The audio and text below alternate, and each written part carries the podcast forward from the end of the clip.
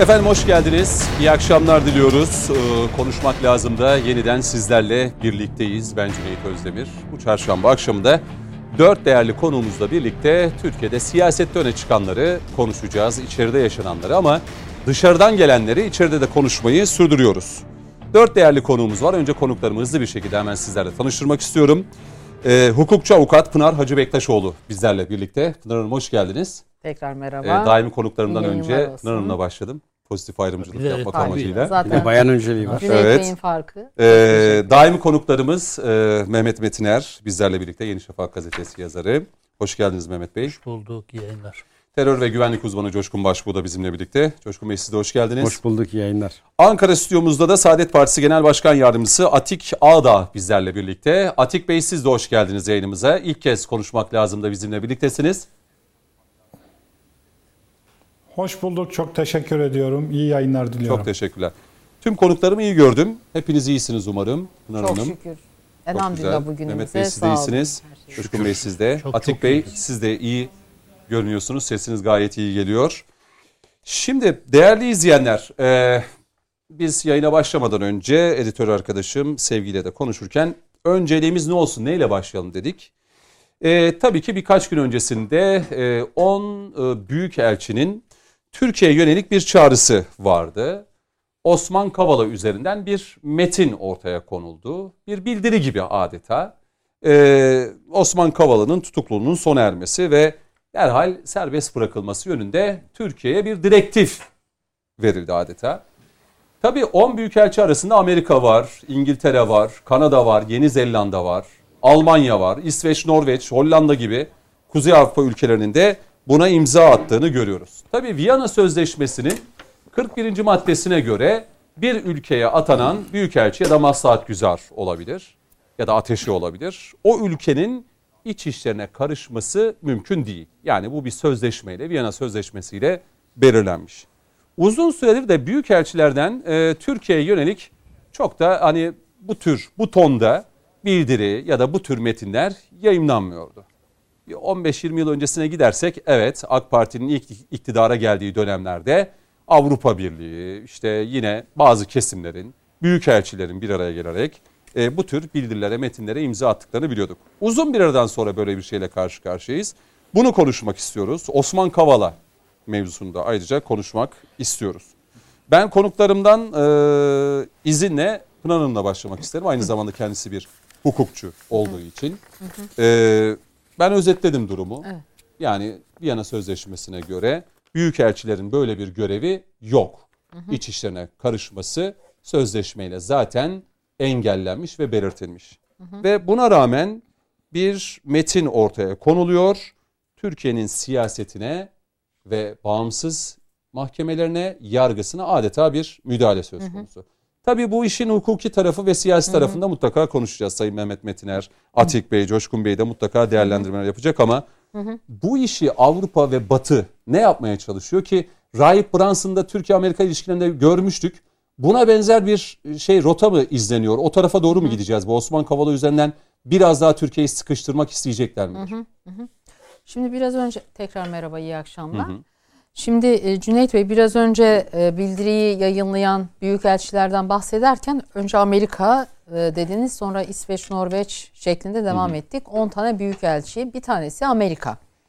Şimdi e, tabii ben bir hukukçu olarak birazdan yapacağım e, hukuki değerlendirmeden bağımsız olarak işin siyasi e, boyutunu da öncelikle bir anlatmak gerekir bir vatansever ve bir e, ülke sevdalısı olarak. Davayı da takip ediyorsunuz. Tabii tabii. Değil yani dava hukukçu boyutunu da aynen. Bütün hepsini takip eden. Ama öncelikle olayın e, siyasi boyutu ve hukuki boyutu olduğu için ve her zaman bu tarz bildirilerde siyasi boyut e, ve siyasi kazanım, siyasi niyet e, çok daha yukarıda olduğu için e, ve özellikle Batı'nın bu şekildeki yaklaşımlarının altında esas plan başka dert olduğu için şimdi e, Türkiye ya yönelik bu bildirinin altında aynı zamanda Amerika Büyükelçisi'nin e, Öncülük ediyor.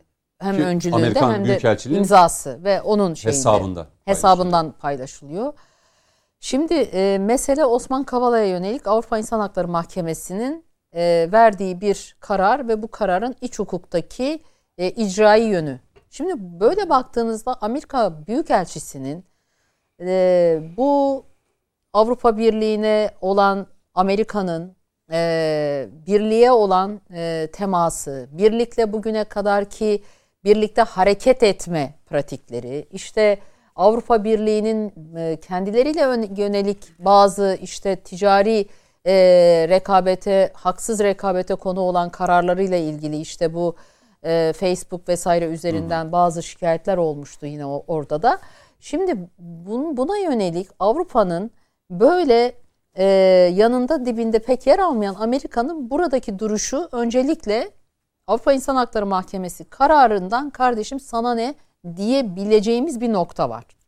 E, yani Amerika olarak sen bağımsız bir şekilde Türkiye'nin bu e, kararla ilgili e, negatif tutumu veya başka tutumlarını eleştirebilirsin. Ama buradaki işbirliğine baktığımızda burada bambaşka bir amaç olduğunu söyleyebiliriz e, açık bir şekilde. Şimdi Türkiye 1950 yılında Avrupa İnsan Hakları e, Sözleşmesi metin olarak Türkiye bunu kabul ettikten sonra 1990 yılında da bireysel başvuru evet. e, yolunu da kabul ederek iç hukukuna da bunu geçiren bir ülke. Şimdi 1990 yılında ben henüz hukuk okumuyordum ama 90 yılından itibaren bireysel başvuru yolu açıldıktan sonra e, vekilim de burada o dönemleri çok iyi biliyordur. Yani faili meçhullerin karakollarda işkencelerin cirit attığı dönemler. Yani bugün olsa o günlerin bir tanesi herhalde bugün yaşanıyor olsa Avrupa İnsan Hakları Mahkemesi sabahtan akşama kadar böyle 10 parmak klavyeyle yazar, Hı-hı. rapor yazar. Şimdi o dönemler o kadar yoğun insan hakları ihlalleri var faili meçhuller var vesaire vesaire var. Ama siz Amerika ile bu şekilde bir e, eşgüdümlü davranış içinde hiç bulunmadınız. Şimdi bunu söylediğimde bizi izleyenler bir hukukçu olarak de, diyebilirler ki Pınar Hanım peki olayın hukuki boyutu böyle mi? Şimdi Cüneyt Bey ben bir e, hukukçu olarak benim hukuk, ülkemde hukuk siyasetten zaten azade değil. Değildir bağımsız değil. Değildir ve bazen bu e, azade olmayışı bazı avantajlar yarattığı gibi bazı sorunlar da yaratabiliyor. Ben bir hukukçu olarak benim ülkemde e, tutukluluk haliyle ilgili tutuklamanın istisnai bir tedbir olduğuna ilişkin tutuklamanın çok uzun süreli olması halinde bunun hukuk pratiğimiz açısından da hukukla ilgili çıtalarımız açısından da sorun olduğunu her zaman söyledim. Hı hı. O yönüyle ben bir hukukçu olarak istemem ki kim olursa olsun tutuklama tedbiri bir ceza e, ceza olmaktan o, o ceza olarak uygulansın. Hı hı. O nedenle Türkiye'de bugün bunu her zaman her yerde de söylüyorum. Tutuklama tedbiri bu kadar çok e, hukuk pratiği içinde yer aldığında da bizim için bu bir sorundur. E, uzunluğu da bir bir sorundur. E, tutuklamayı bir yere kadar tedbir olarak alıp daha sonra bunun dava sürecini hızlandırmamak da bir sorundur. O yüzden ben ister Osman Kavala olsun, ister Ahmet, ister Mehmet olsun.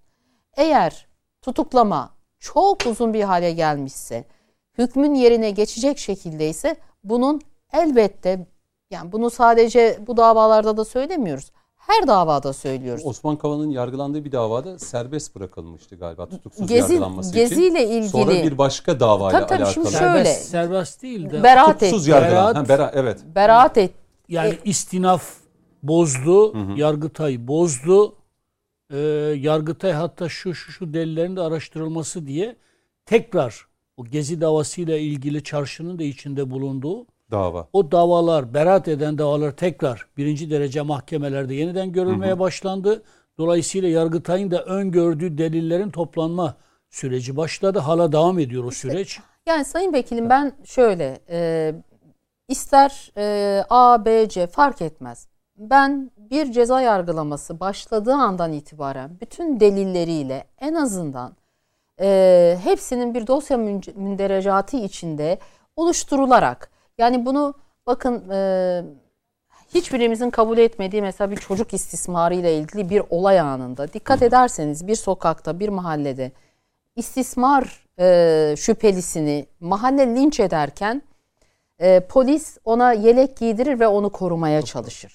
Yani bu kişilerin e, bazı temel hakları ister çocuk istismarcısı olsun isterse ne olursa katil olsun isterse bu Ne iş suç ne olursa olsun Çok doğru. sizin bu konudaki hukuk devleti pratiğiniz e, şey olmalı. Yani e, stabil olmalı. bir norm. Yani Tabii uzun ki. tutukluluk süresi Uzun ve davanın tutukluluk. sonlandırılmaması Da- şu durumu bu noktaya Ama getirmiştir diyorsunuz. ben tamam. Biz ben kendi iç Avrupa İnsan Hakları Mahkemesi'nin e, çifte standart e, yaratan işte Yunanistan'da bizim oradaki e, Baş müftümüz. baş müftümüzle ilgili örgütlenme hakkının ihlaline ilişkin bugün Yunanistan halen uygulamamış iken Evet. halen sen oraya bir sopa göstermemiş iken senin kalkıp da benim hukuk devleti olan Türkiye Cumhuriyeti'nde hukukla ilgili sorunlar varsa bile senin kalkıp böyle bize sopa göstermeye, hat bildirmeye ne hakkın var ne yetkin var. İşte biraz önce bahsettiğiniz Viyana Sözleşmesi 41. maddede de açıkça diyor ki büyükelçi o ülkenin iç hukukuna karışamaz. Yani bakın niye ben karıştı? ben bakın Niye hukukla ilgili bugün sorun olduğunu söyleyen bir hukukçu olarak kardeşim sen kalkıp da siyasi e, şeyde yer alan, platformda yer alan e, siyasi iktidar iktidarın bakanına veya herhangi bir e, yürütmenin e, temsilcisine mahkemelerinizle bu kararı uygulaya, uygulasın diyemezsiniz. Yani siz bunu söylediğinizde acaba Dışişleri Bakanı mahkemeye talimat mı verecek siz bunu dediniz diye? Ya da siz bunu mu e, Türkiye'yi bu şekilde zayıf göstermen yolunda bir şey mi e, başlatmak istiyorsunuz? Yani bu e, Avrupa'nın, Avrupa İnsan Hakları Mahkemesi'nin zaten siyasi olan bir mahkemenin bu şekilde yaklaşımının ben e, ne hadlerini olduğunu ne haklarını olduğunu ama yine söylüyorum İçeride- bir hukukçu Hı hı. olarak ben bu yargılamalardaki meselenin Avrupa bize kızmasın diye değil biz kendi ülkemizde hukukun üstünlüğünü tahkim kılmak adına açıkçası ben Avrupa Kaç İnsan Hakları Hanım? Yani Osman Kavala'nın bu Cüneyt Bey yukarı Avrupa İnsan Hakları Mahkemesi'nin kararlarının siyasiliği konusunda hiçbir şüphe yok. Ama uymak konusunda bizim taahhüdümüz devam ediyor.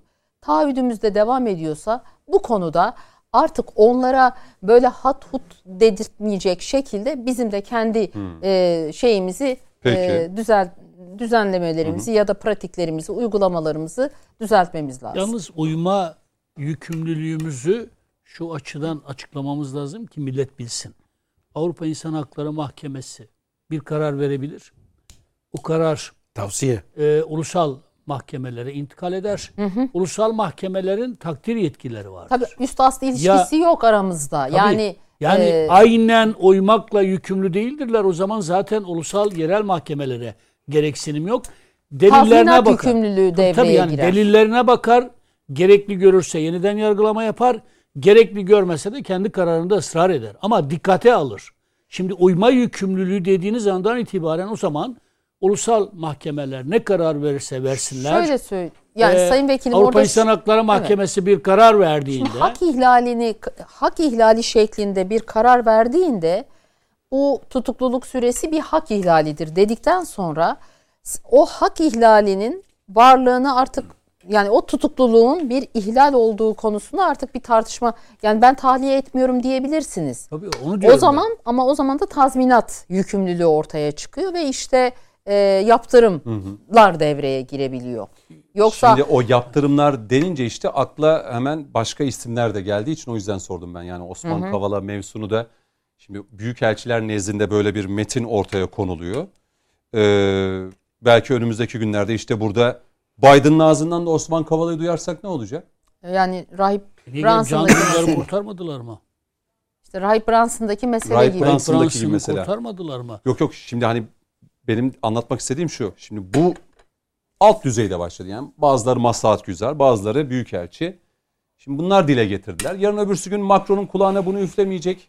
Üflemeyeceğinin garantisi yok. Yani biri diyecek ki Şimdi ya sen Viyana Macron bir- Sözleşmesi'ne göre Hı hı. yabancı misyonun böyle bir yetkisi yoktur. Yok tamam. Suç işliyorlar. Bu hukukun ihlalidir. Yani. Bile bile hukuku ihlal hukukun ediyor. ihlalidir. İki, velev ki yürütmeye hitaben böyle bir bildiri yayınladılar. Evet. Bir siyasetiyiz. Şu, an yürütmenin içindeyiz. Devlet yönetiyoruz. Cumhurbaşkanımız da çıktı. Bakanımız da çıktı. İşler Bakanımız, Adalet Bakanımız yargıya talimat verdi ve bıraktılar. Hı hı. Peki Batı buna sevinecek mi? Sevinirse Batı'nın normlar hiyerarşisini nereye oturtacağız? Hem bir yanda yargının bağımsız olması, yürütmeden tamamen bağımsız olması gerektiğini, yürü- yürütmen hiçbir şekilde yargıya telkinde dahi bulunmaması gerektiğini savunacaksınız. Bunu bir evrensel hukuk normu diye hepimize dayatacaksınız adeta. Bir yanda da yürütmeden böyle bir beklenti içine gireceksiniz. Yürütme bunu sağladığı zaman da alkışlayacaksınız. Peki sizin bağlı olduğunuzu varsaydığınız hukuk normları nereye oturuyor bu durumda? İşte burada olay hukuki değil de siyasi tarafa çekilmeye Siyasi, çalışılıyor. bütünüyle siyasi bir defa şunu yapmaya çalışıyorlar.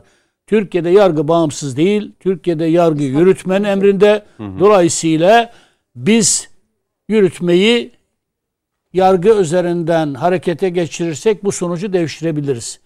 Bu böyle gerçekleştiği zaman zaten Türkiye yönelik olarak sürdürdükleri algı operasyonunun gerekçelerini biz sağlamış oluruz. O yüzden hadlerini bilsinler. Hadlerini bilsinler. Hem Avrupa'nın bütün kurumları. Bu bir Amerikan bildirisidir. Diğer ülkeleri Avrupa Birliği yani genelde geçin. Türkiye raporu oluştururken raportör çıkar. Hani Türkiye'ye bağlayıcılığı olmadan o bildirde ya şu şu var işte insan hakları ihlalleri şunlar bunlar falan artık onların da pek bir önemi kalmadı çünkü artık gündemimiz Bakınız, yok Avrupa. Ama Avrupa, Amerika, Fransa, Almanya hiçbir konuda samimi değil. Sevgili hukukçumuz e, Yunan müftümüzle ilgili bir şey söyledi. Bakınız Can Azerbaycan'ın toprakları yıllar yılı yıllar yılı işgal altındaydı.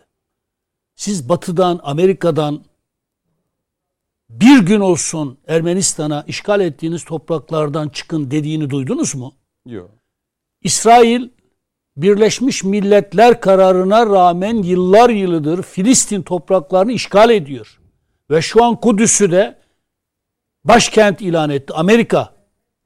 Siz Birleşmiş Milletler kararının uygulanması gerektiğini savunan bu işgale karşı çıkan bir tek Avrupa ülkesi gördünüz mü? Utanmasalar, sıkılmasalar Azerbaycanlı kardeşlerimiz buradan Can Azerbaycan'a bir kez daha binlerce selam olsun. Topraklarını işgalden kurtardıkları için mücrim muamelesi yapacaklardı. Filistinli kardeşlerimiz kendi topraklarında şu an esaret hayatı yaşıyorlar. İşgal altında bir esaret hayatı yaşıyorlar. Ama bir gün olsun insan hakları konusunda Batı'nın, Amerika'nın duyarlılık gösterdiğini Duymadık. duymadık. Dolayısıyla bu bir siyasi bildiridir, hadsizliktir, densizliktir. Diğer ülkelerin her hepsini bir tarafa bırakalım. Bu Amerika'nın eş zamanlı olarak Sayın Kılıçdaroğlu'nun Türkiye'deki memurlar üzerinden siyasi iktidara çekmek istediği operasyonla alakalıdır. Hiçbir şey tesadüf değildir. Eş zamanlı olarak içeriden dışarıdan Birazdan Türk siyasal sistemimizi paralize etmeye dönük. Tehdit diliyle, Sayın Kılıçdaroğlu'nun tehdit diliyle bu Amerika'nın başını çektiği 10 ülkenin büyükelçisinin tehdit dili arasında hiçbir fark yoktur. Aynı üst aklın e, bir senaryosunun sistemli bir biçimde devreye sokulmuş halidir. Herkes şunu bilsin. Türkiye en geniş anlamda ve en derin kapsamıyla Amerika'nın başını çektiği küresel bir çetenin tehdidi altındadır. Ve ne yazıktır ki içeride de bu çetenin bu derin kuşatma ve e, tehdit, Türkiye'yi tehdit eden düşmanlıkta da hayasızca sınır tanımayan ülkelerin e, le, e, le aynı dili kullanan, onların adeta siyasi sözcülüğünü yapan, aynı tehdit dilinin Türkiye tercümanlığını yapan bir e, muhalefetle karşı doğru. karşıyayız. Çok üzülerek şey diyor beyan yani, ediyorum. Kavala ve diyor Demirtaş niçin hapiste Aynı diye. şeyleri söylüyorlar bakınız. Demirtaş konusunda söyledikleri aynı, Kavala konusunda söyledikleri aynı. Ben Pınar Hanım'a çok değer verdiğim bir hukukçudur. Benim aynı zamanda dava arkadaşımdır.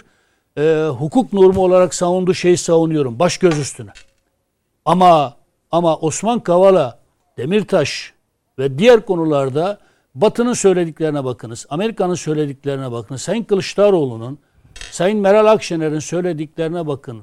tıpkısının aynısı olduğunu İz düşümü görürsünüz. burada içeride. Bütün bunlar tesadüf değildir. Kılıçdaroğlu'nun tehditle siyasal sistemi paralize etmeye çalıştığı ve insanları insanlara gerekirse adres olarak tekrar sokağa gösterdiği bir dönemde büyük elçilerin de gene siyasal sisteme yürütme yargı e, üzerinden çekmeye çalıştığı bu ayar vermeye e, çalıştıkları bu tehdit dili asla tesadüfle izah edilemez. Biz bugün e, gündüz yayınında haber merkezinde aslında o volümümüzü bulsalar da belki bir seferliğe gösterme imkanımız olsa o büyük elçilerle beraber üstte bir başlık attık. Organize işler diye. Aynen. Ee, Bu bir çete. evet, yani Dışarıda bir- ve içeride ayağı olan bir çetenin evet, tehdidi.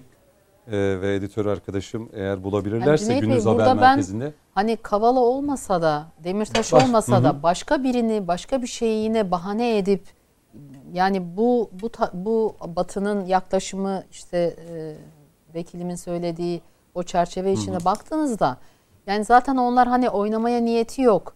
E, bahane arama peşinde de bunlar da burada da tam tersi. Zaten şöyle e, şu an başka başka işte geri planda başka e, kartlar karıldığı için e, bunun üzerinden giderek hani daha rahat ilerleriz. Yoksa belki konjonktürel e, anlamda bugün içinde bulunduğumuz işte ekonomiyle ilgili meselelerle ilgili de bir bütüncül düşünerek ha, Türkiye'yi bu anlamda da hani e, zayıf e, gördükleri belki bir anda kendilerine göre.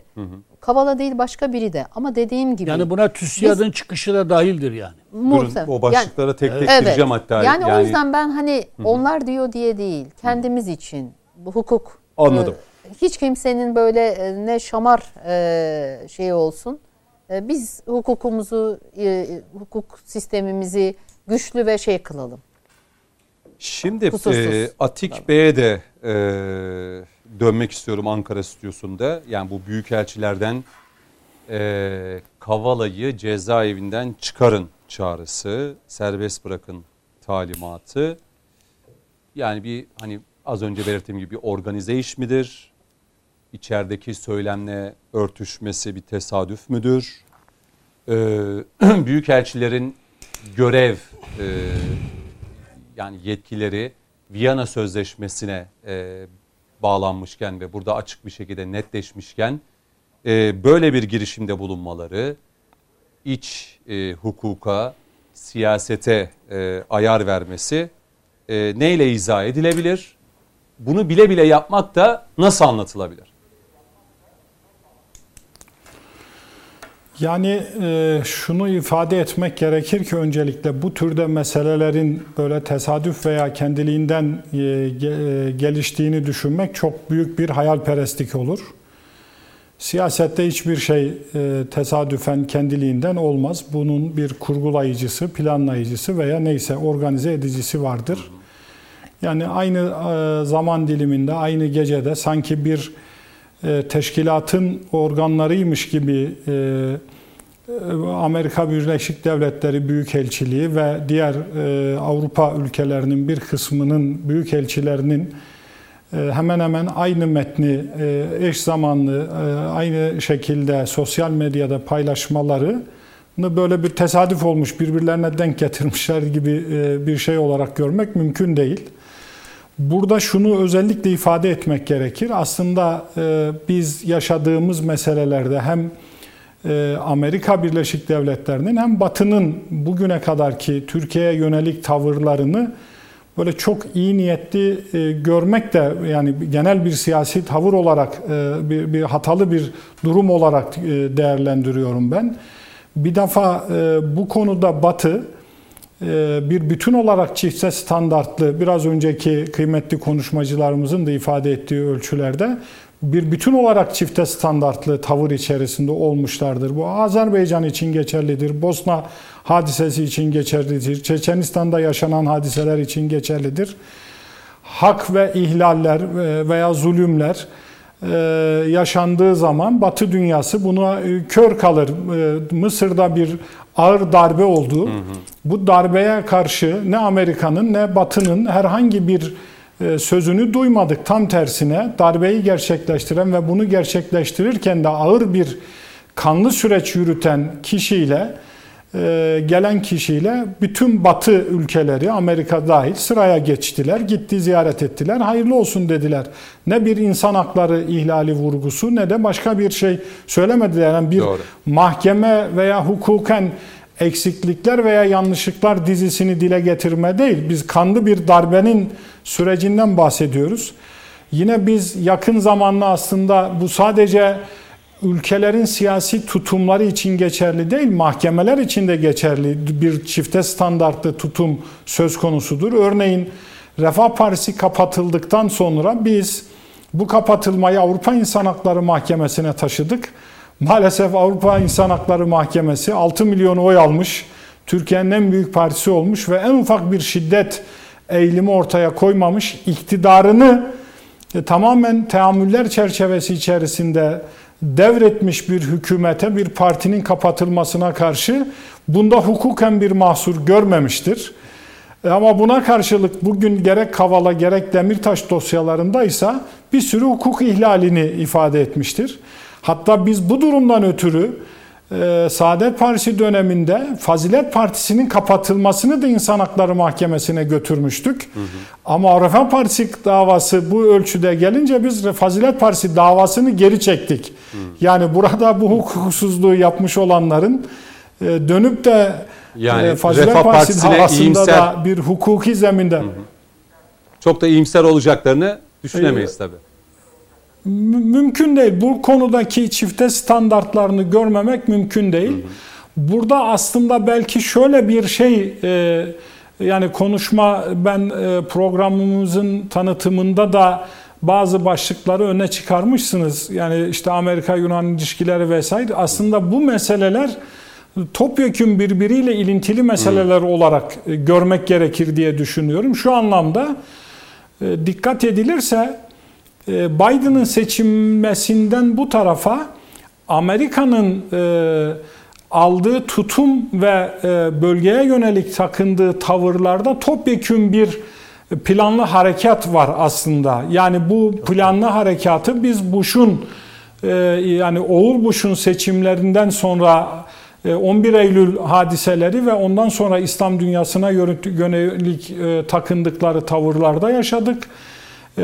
Obama aslında çok müsbet algısı veya yaklaşımı gözüküyor olsa bile birçok İslam ülkesinin aslında parçalanmasına, işgaline ve hatta 11 Eylül sonrasında İslam dünyasına fiili saldırılar gerçekleştirdiler. Amerika ve şey özür diliyorum Afganistan ve Irak örneğinde ama süreç bura bu fiziki müdahaleler onlara pahalıya mal olduğu için aslında sonraki süreci Arap Baharı denilen süreci kendileri açısından yeniden kurgulayarak bunu bir e, vekalet savaşına getirdiler. Müslümanı Müslümana kırdırma evresine çevirmiş oldular. Mısır'da ayrı bir şey yaptılar.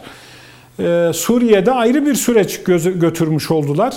Ve bugün mesela gene benzer bir e, e, süreç var. Tunus'u mesela gündemimizden düşürdük. Tunus'ta e, Gannuşi gibi müzakereci ve mülayim bir insan var. Ve Gannuşi başından sonuna işi bir hukuk zemininde ve ülkede kardeşi kardeşe düşürmeyecek ölçülerde götürüyor ama bir cumhurbaşkanı çıktı her şeyi askıya aldı. Bir Avrupa ülkesi veya Batı bloku ülkesi sayabileceğimiz hiçbir ülkeden en ufak bir ya ne oluyor bile denme durumu ortaya çıkmadı. O yüzden bizim aslında hem ülkemiz açısından, Türkiye açısından hem İslam dünyası açısından şu nefis muhasebesini yapma mecburiyetimiz var ve kendi içerimizde bu e, şeyi muhasebeyi doğru götürme mecburiyetimiz var. Batıya elbette biz e, illa kimseyle kavga edelim, savaş edelim e, anlayışında derdinde değiliz ama bu ülkelerin bizim üzerimizdeki emellerini görmek ve bu meseleleri yürütürken öyle hak, hukuk, adalet merkezli bir şey unsur üzerinden de meseleleri değerlendirmemelerini anlamak gerekir. Ha beraberinde Pınar Hanım da ifade ettiler. Yani bizim iç hukukta da yani biz ya bizim hukuki süreçlerimizin yürütülmesinde yani hükümetin veya iktidarın e, hukuka müdahale ediyor e, algısını, görüntüsünü de asla verdirmememiz gerekir. Bu da bizim belki biraz itinayla dikkat etmemiz gereken bir şeydir. Ama öyle olsa bile biraz önce Mehmet Bey de ifade ettiler. E, yani bunların derdi bu mevzuları dile getirirken ya siz çok antidemokratik şartlarda e, bu hukuki meseleleri götürüyorsunuz. Bunu düzeltin değil. Burada e, e, aslında ortaya konan tutum çünkü bu e, bildiriyi açıklayan, buna ortak imza atan veya neyse müştereken bu açıklamayı yapanlar bu sürecin sonucunda Türkiye'nin muhtemel takınacağı tavırlara karşı da ikinci adımlarını kesinlikle belirlemişlerdir. Bunu da bilmek gerekir. Peki. Yalnız burada Atik Bey'in, Atik Başkanımızın, değerli kardeşimin dikkat çektiği bir husus çok önemli. Bakınız. Nedir o? Tunus. Ne oldu Tunus'ta? Bir cumhurbaşkanı Çıktı. Parlamentoyu lav etti ya. Doğru. Lav etti lav. Anayasayı askıya aldı. Tamam. Anayasayı askıya aldı. Ülkeye. Parlamentoyu lav etti. Görünürde askerler yoktu ama arkasında askerler vardı. Peki Amerika ve Batı Tunus'ta demokrasinin Nerede bu demokrasi, şekiltiye, nerede kesintiye uğramasından rahatsızlık duydular mı? Ama ama Türkiye'de kızılca bir kıyamet kopartılıyor. Sayın Cumhurbaşkanı memurlara gayrimeşru emirler veriyor. Siyasal iktidar memurlara, bürokratlara gayrimeşru emirler veriyor ki böyle bir şey asla kabul edilemez. Böyle bir delil ispat varsa da mahkemelere gidersiniz. Ama mahkemelere gidemeyiz çünkü mahkemeler de hükümetin kontrolünde. Çok ayıp bir şeydir yani. Tunus'ta Cumhurbaşkanı'nın siyasal istik, e, siyasal sisteme çektiği ayarın aynısını içeride muhalefet Avrupa'nın da Amerika'nın da desteğinin yanına alarak çekmeye Yapmaya çalışıyor. çalışıyor. Onun için Atik Başkanımızın dikkat çektiği, değerli kardeşimin dikkat Tunus çektiği şeyi çok Tunus çok önemliydi. Söz gelimi, kazara. Sayın Cumhurbaşkanı Türkiye'de aynı şeyi yapsa, yapsaydı. Recep Tayyip Erdoğan Tunus'takinin bir benzerini Türkiye'de yapsaydı. Ya Kızılca kıyamet kopardı yani. Sayın Erdoğan hiçbir şey yapmadığı halde Biden kalkıyor Erdoğan'a alaşa- edilmesi gereken bir düşman gibi görüyor. Çünkü on- 15 15 Temmuz'da FETÖ'cü askerler üzerinden bunu beceremedi. Şimdi bir takım siyasi aktörler üzerinden aynı şey yürütülüyor. Bence Tunus'un bir başka versiyonu Atik Başkanımın dikkat çektiği Türkiye'de. şekilde Türkiye'de bir Peki. kısım sivil toplum örgütleri, TÜSİAD'ın da ayağını oluşturduğu bir kısım siyasal partiler üzerinden e, denelmeye kalkışılıyor. Aziz milletimizin bilmesi, görmesi gereken Peki. gerçek bu. Cüneyt Bey yani Avrupa İnsan Hakları Mahkemesi'nin hani bugüne kadar gerçekten Türkiye'nin böyle bırak Türkiye'yi bırakıyorum bir tarafa.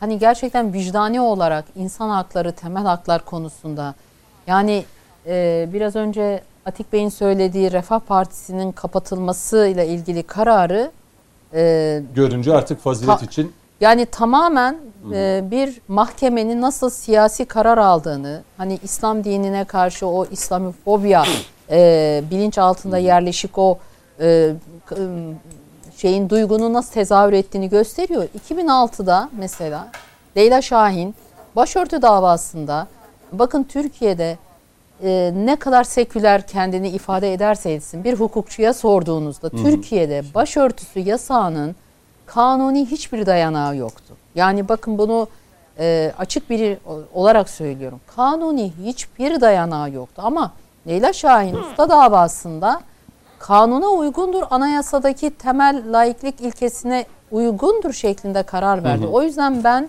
bugün Avrupa İnsan Hakları Mahkemesi'nin Pınar'ın hakkını koruyorum dediği noktada da inancım yoktur. Ama biraz önceki o bütün bu şerhleri düştükten sonra dediğim gibi. ama bir Osman Hukuk- Kavala ve Demirtaş konusunda Şimdi ahim orada da inanılmaz. şimdi orada da mesela ben zamanlamaya çok Bir tur dikkat- devam edeceğim. şu var. Bey'e Sadece dönmek. şunu söylemek istiyorum. Orada da ben yine şüpheyle bakıyor bakıyorum. Yani Osman Kavala davasında belki bir iki ay sonra belki bir hukukçu olarak baktım belki tahliye dava tahliye kararı çıkacaktı. Yani sanki bu tavır bakın biz söyleyince yaptılar mı getirmeye çalışıyorlar. Zemin mi hazırlamaya çalışıyor? Ya tabii ki biz işte O zaman şöyle- şeyi mi aldık Aha. yani tekrar Coşkun ipler Bey- bizim elimizde mi Onun demeye bence çalışıyorlar. Ak- Atik Başkan'ın dediği bir şey daha çok doğrudur. Biz de milli görüş geleneğinden geliyoruz. Avrupa'ya düşmanlığımız yok ama Avrupa'nın peyki değiliz. Türkiye-Avrupa ilişkilerini yeniden gözden geçirmemizde yarar var. O zaman şöyle Yani o, o konuda ben e, eski düşüncelerimizin çok daha sağlıklı olabileceği. Evet Avrupa'ya kapılarımızı kapatmayız, yüreğimizi kapatmayız. Ama bizi kendimiz gibi kabul etmeyen ve bize kendisini dayatan bir Avrupa ile de ilişkilerimizi Evrensel hükümet olarak da yeniden açığız. gözden geçirmemiz Peki. gerektiğine inanıyorum. fırsat vermeden onlara. Tabii. Şimdi peki 10 büyükelçi Osman Kavala'nın kaşına gözüne hayran değil herhalde.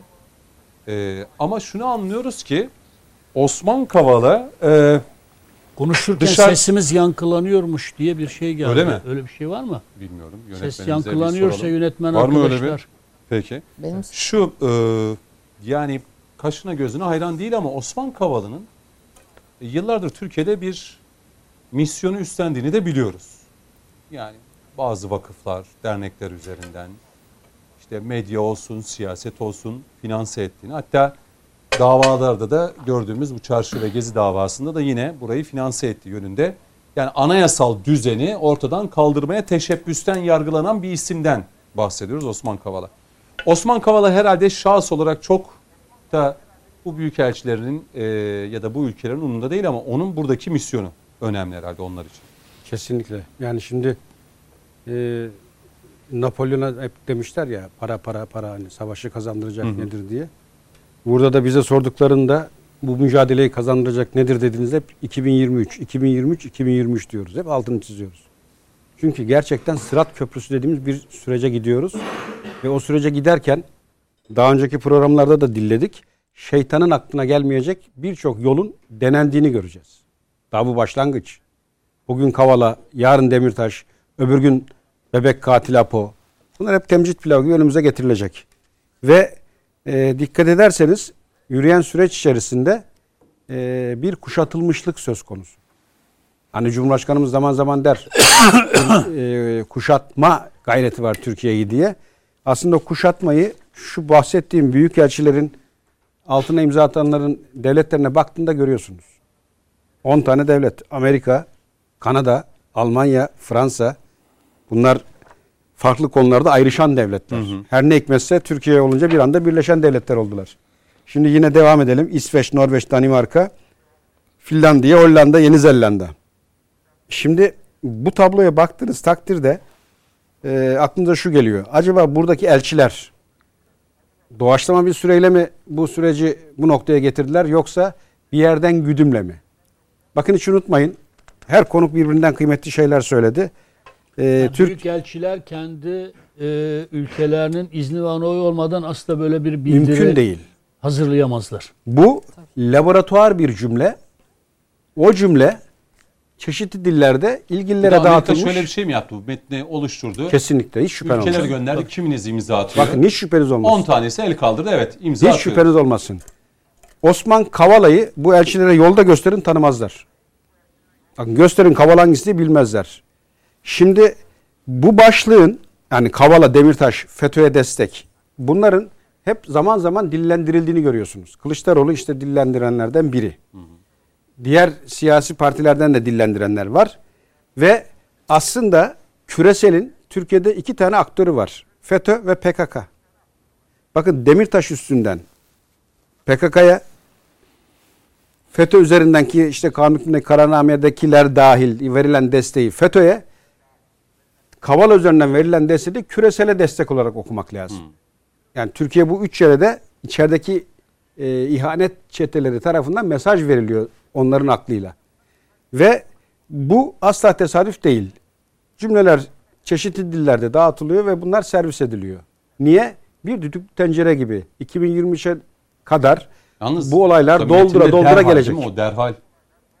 Yani bu Derhal mi? bazı Derhal diyorlar bir de. Yani olacağı varsa da unutmamaya yönelik. Benim Maşallah. Bir sömürgeleri çünkü. Benim yani. başından beri e, değerli hocam hukukçu karşı çıkar çıkmaz bilmem ama benim hep başından beri mantığım şu. Bu karar sana ne ya? Sen büyükelçisin. Güven mektubu vermişsin. Diyorsun ki bana güven. Ben senin ülkende ülkem adına faaliyetlerde bulunacağım. Ve haddin hududun olmadığı halde o ülkenin siyasetine, iç işlerine, hukukuna karışma cüretini gösteriyorsun. Kimsin sen? Ve gene benim e, başından beri hep yaralı olduğum Avrupa İnsan Hakları Mahkemesi. E, Tamam Avrupa'ya, hukuka, her şeye saygımız var. Olsun. Ama şu anki oluşan ortamda ben onu da tanımak zorunda değilim. Çünkü hukukun ayaklar altına alındığı bir süreçten geçiyoruz. Bana akıl veren, bana ayar vermeye çalışan o mahkeme önce üzerine düşen görevleri yapsın. Bakın ihlal edilen hukukla ilgili birçok başlığı konuklarımız açtı. Tekrar olmasın açılmayan bir başlığı açayım. FETÖ, firarda Yunanistan üstünden Avrupa'ya akın akın gittiler. Kırmızı bülten, delilli, dosyalı her şey hazır. Yunanistan'a Hangi birine işlem var mesela en son gidenler. Yunanistan köprü. Yunanistan- Yok, ben köprü olanı demiyorum. İşte darbe gecesi kö- e, helikopterle oraya inenler Yunanistan var. biliyorsunuz. Evet. Ve Yunanistan bir köprü, transit ülke. Buradan Almanya'ya, şuradaki imzada as, e, imza dahil olan ülke. Buradan Fransa'ya, buradan Belçika'ya teröristleri kaçırdılar. Kırmızı bültenle arıyorsunuz. İade etmediği gibi. Bir de oralarda vatandaşlık hakkı, iş, NATO'da karargahında çalışma gibi sürecin içerisinde ev sahipliği yapıyorlar. Bana önce bunun hesabını ver. Şimdi Pınar Hanım dediği gibi yani bunlar hani böyle bir bildiri yaptı. Başka bir şeyin zemini mi hazırlanıyor? Ben mesela Rahip Brunson mevzusuna benzer mi diye Şimdi bakın e, e, sordum, yönelttim. Yani işte Macron ya da işte Almanya'nın yeni e, şansölyesi belli olduktan sonra yarın öbürsü gün çıkıp işte Türkiye insan hakları özgürlükler, Demirtaş serbest bırakılsın, Kavala serbest bırakılsın derse Zaten diyecekler merak etme. Yani iş o tarafa doğru gidecek. Yani Avrupa'da Biden dahil birçok siyasi Macron dahil bunu dillendirecekler. Bu bir planlı büyük operasyonun parçalarından biri. Az önce düdüklü tencere örneği verdim. Bunları ekle ekle üst üste 2023'e doğru yönetilemiyor. İşte ülkede hukuk ihlalleri var. Her şey yerlerde sürünüyor. Ekonomi zaten konuşacağız belki birazdan başlık olarak ekonomiyle ilgili gibi birçok başlığı ülke gündemine getirerek siyasette sandığı dizayn etmenin arayışları bunlar. Ve bunlar bütün konukların ifade ettiği gibi asla tesadüf değil. Şu an hiçbir söz, şu an hiçbir eylem tesadüfen gerçekleşmiyor. Bir arka planda gizli mekanizma bu süreci başından sona yönetiyor. Bunların hepsi bu ülkelerin tamamı kukla vaziyetteler. Verilen görevi yapıyorlar. E şimdi e, biz e, bu süreçte yargıladığımız insanlara bakıyorsunuz hani haklılık payı var mı Bence diye. gece yarısı Amerikan Büyükelçiliği tıpkı şu gece yarısı amiraller bir bildiriye imza atmıştı ya. İşte imza atanlar atmayanlar vardı. Bence o bildiri de birçok ülkenin büyükelçiliğine gitti. Ya buna imza atsak mı atmasak mı diye böyle bir şey de yapıldı bence. O ülkelerin haddini aşar. ilk atlayanlar oldu mesela. Mesela Yunanistan'ı niye görmedik burada diye sormak istiyorum. Mesela Yunanistan Büyükelçiliği. 10 tane yeterli görmüşlerdir. Şimdi e, Yunanistan'dan laf açtın. Hadi Avrupa'da hukuk dersi veriyor ya bize. E, göçmen katil Yunanistan. Daha bugün görüntülerde vardı. Türkiye topladı 400 kişiye yakın denizden. Bakın katlediyorlar. Balina avcıları gibi insan avcıları ürettiler. Şirketler kuruldu ve bunlar göç eden insanları Balinalara saplatılan o zıpkınlar botlara botlara saplıyorlar. Göz göre göre bebeğiyle, çoluğuyla, çocuğuyla denize atıyor. Gene biz topluyoruz. Şimdi burada hani insan hakları, hani hukuk diye sormak lazım o ilgili ülkelere. İzleyenlerin takdirine bırakalım. Yine hani az önce onun için saydım. Her şeyin ayaklar altına alındığı bir süreçten geçiyoruz diye. Kıbrıs, Yunanistan örnek verdin diye aklıma gelen bir örneği hemen e, anlatayım. Avrupa İnsan Hakları Mahkemesi diyor ya. O Avrupa Lozan'a, Zürih'e ve e, Londra Anlaşması'na göre aykırı olan örnek Güney Kıbrıs Rum kesimini Avrupa Birliği'ne alarak hukuku katletti zaten.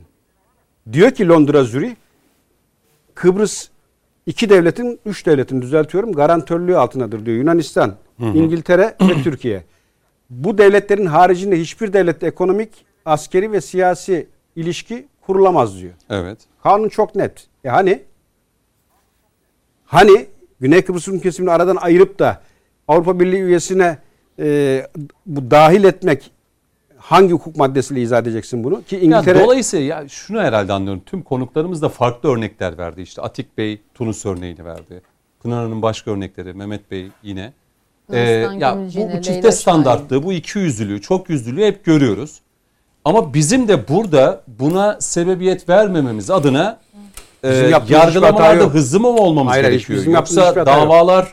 Çok mu geç e, görülüyor? Yani Değil, karara hukuk, bağ- hukuk işliyor. Hayır. Tamam hukuk İddianame işliyor. yazılanıyor, yargılanıyor, delille ortaya konuyor. Bu Ama bir süreç. Kur'an'ın diyor ki çok uzun yani bu uzun tutukluluk süresi ister istemez diyor Türkiye'nin önüne konuluyor. Ahim kararını önüne konuluyor. Bakın Avrupa uzun hukuk süresi yapmıyor. Ne yapıyor biliyor musunuz yerine? Almanya PKK benzeri bir yapıyla boğuştu. Bayder-Meinhof. Tutukladı, içeri aldı. Mahkeme yargılama bekliyor herkes. Sabah bir açıklama. Örgüt gece topluca intihar etmiştir dedi cezaevlerinde. Halbuki derin, Ameri- derin Almanya görevini durumu yaptı. öyle çözdü. Tabii hadi hukuk. Ya Yargılamaya dahi görmüyorlar. Guantanamo'da hukuk mu vardı ya? Mahkeme mi Bakın vardı? kadı ya? yüzü göremezsiniz. FETÖ ihanetini Avrupa'da herhangi bir Kötü devlette emsal yapın. emsal olmamalı. Ka- elbette ama yani onların bana akıl verenin dur, düştüğü Biz durumu arz ediyorum. dahil Yoksa eden bari Müslüman olsa diyoruz. Ben- Yoksa emsal almıyoruz elbette. ben onu e, kendim örnek almıyorum. Yaptığını tasvip de etmiyorum. Bana akıl verenin durumu bu diyorum. Biz Şimdi, karıncayı da incitmeyen bir medeniyetin şimdi bakın Reklam arasına gidiyoruz. bir örnek verip öyle mi gidelim? Hadi verin. Verelim. Çok kısa. E, konu bütünleşsin. Fransa. Çaylar da geldi. Bakın Fransa'da iki tane gazeteci. Yemen'e iç savaşta Fransa'nın Birleşmiş Milletler Kanunu'na aykırı hareket ederek silah yardımı, silah satışı yaptığını ispat ettiler. O Fransa hani demokrasi havarisi beşi Fransa iki gazeteciyi derdest etti. Devletin sırlarını ifşa etmekten içeri tıktı. Avrupa istediği özgürlüğü- zaman kılıfına uyduruyor. işte ben ona isyan Ama ediyorum. bize Yani gelince Avrupa İnsan Hakları Mahkemesi benim devletimin üstünde olamaz. peki. Kesinlikle.